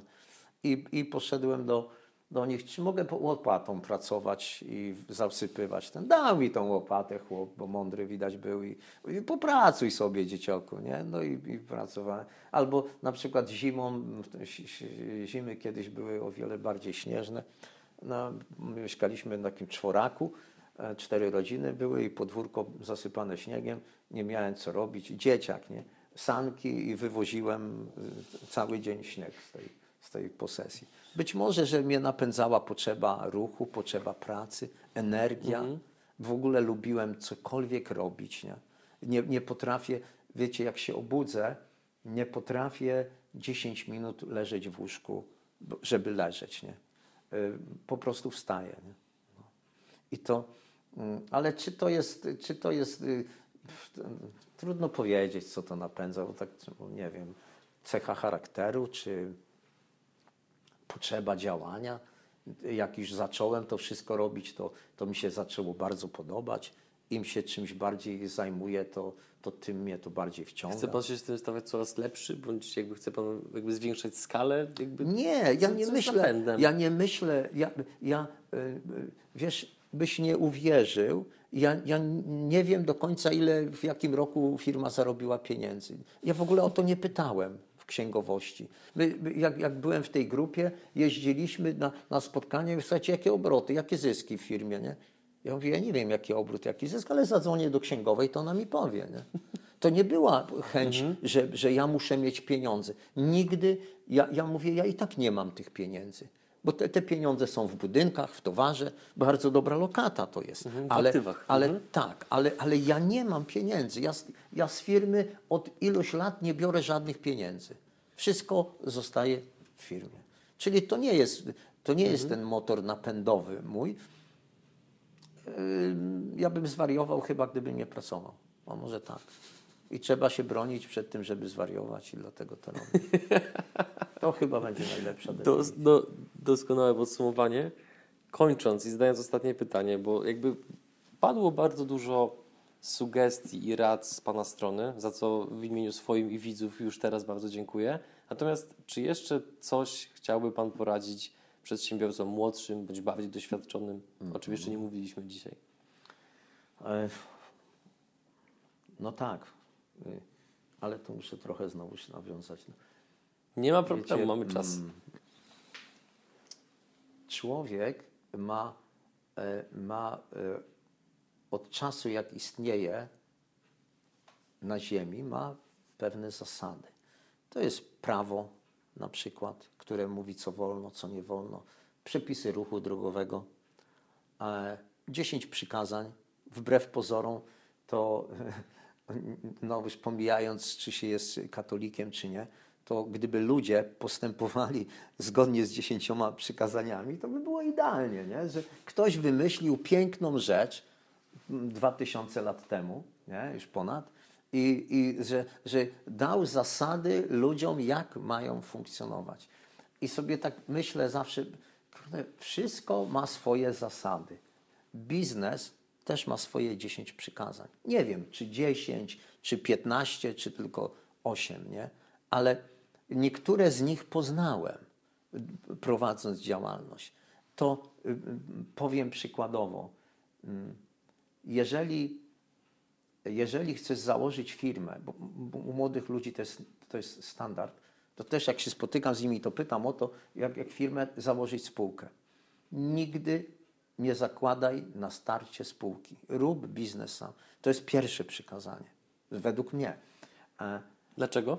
Dlaczego? Bo y, w, jeżeli się nie prowadziło biznesu i spółki y, często się rozlatują, bo y, a, a tylko powstają wspólnicy, bo ktoś się boi samodzielnie otworzyć firmę. To nie jest to, że on ma wizję, tu spółka będzie najlepszą, tylko kurde, sam nie dam rady, ale jak wezmę kolegę, z którym siedziałem w klasie w jednej ławce, to my zrobimy biznes i będę się czuł bezpieczniejszy. Nieprawda. E, W ogóle to jest e, to cieka, ciekawe statystyki czytałem, że osoby, które zakładają spółki, pierwszy, ich- jest ich pierwszy biznes, to 80% spółek upada, zostaje tylko 20%. W pierwszych tam dwóch latach. E, Po wielu latach to rozejrzyjcie się, to po wielu latach też są spółki, które poupadały, bo koledzy założyli. I i, e, a, a, jak, a jak ludzie, którzy mają już y, pewne doświadczenie biznesowe, zakładają spółki, to jest sytuacja odwrotna. 70% się udaje, a 30% nie. Bo już jest to doświadczenie, Bo już tak? jest doświadczenie. I to jest jakby pierwsze te przykazanie Mhm. biznesowe. Nie?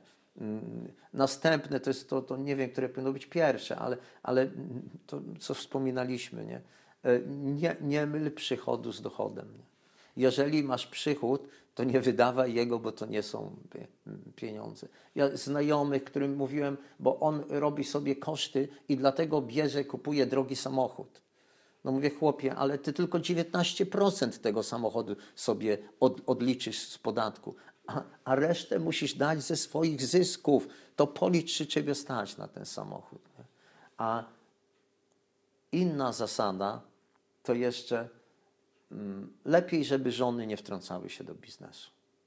Niech pomagają, ale nie wtrącają się. Nie? E, Kobiety, e, kobiety często mm, patrzą na biznes jako źródło dochodu. I to za szybko nie patrzą. No, tak, także to też jest duże niebezpieczeństwo. nie? Myślę, że tam jeszcze, jeszcze więcej jest tych, tych zasad, bo, bo pewnie y, szanuj, można powiedzieć, pracownika swego jak siebie samego, nie? A, a, a, a twojego kontrahenta jeszcze bardziej szanuj. No to, to, są, to są takie, no mówię, można by tego troszkę opowiadać i, i sobie byśmy siedzieli tutaj, każdy z nas by pewnie wymyślił jakąś zasadę, ale to są, to, to gdyby ktoś napisał, taki, taki drugi Jezus jakby się pojawił i, na, i, i dał przykazania biznesowe, bo on genialne miał te, te przykazania. Przecież to, to, to jest coś genialnego, które, które ludzie by mogli sobie ładnie żyć, gdyby się stosować. I jakby on zrobił y, przykazania biznesu, no to by była fajna, fajna, fajna księga do tego, jak, jak robić biznes. Może kiedyś powstanie. Może powstanie. Tymczasem dziękuję Panu za poświęcony czas, za fantastyczny Również wywiad. dziękuję. Życzę samych sukcesów, zdrowia i wszystkiego dobrego. Dziękuję. Ja też życzę Tobie, żebyś spotykał dobrych, dobrych biznesmenów, którzy potrafią się, się wiesz, które po, potrafią powiedzieć, są krytyczni wobec siebie Tak. nie? i którzy potrafią ym, coś przekazać. Nie? Tak. Ja starałem się tutaj przekazać coś dla, dla młodych ludzi, nie wymądrzać się, bo to są, są raczej starałem się życiowe sprawy mówić. Nie? Bardzo dziękuję Panie Jacku. Ja również dziękuję.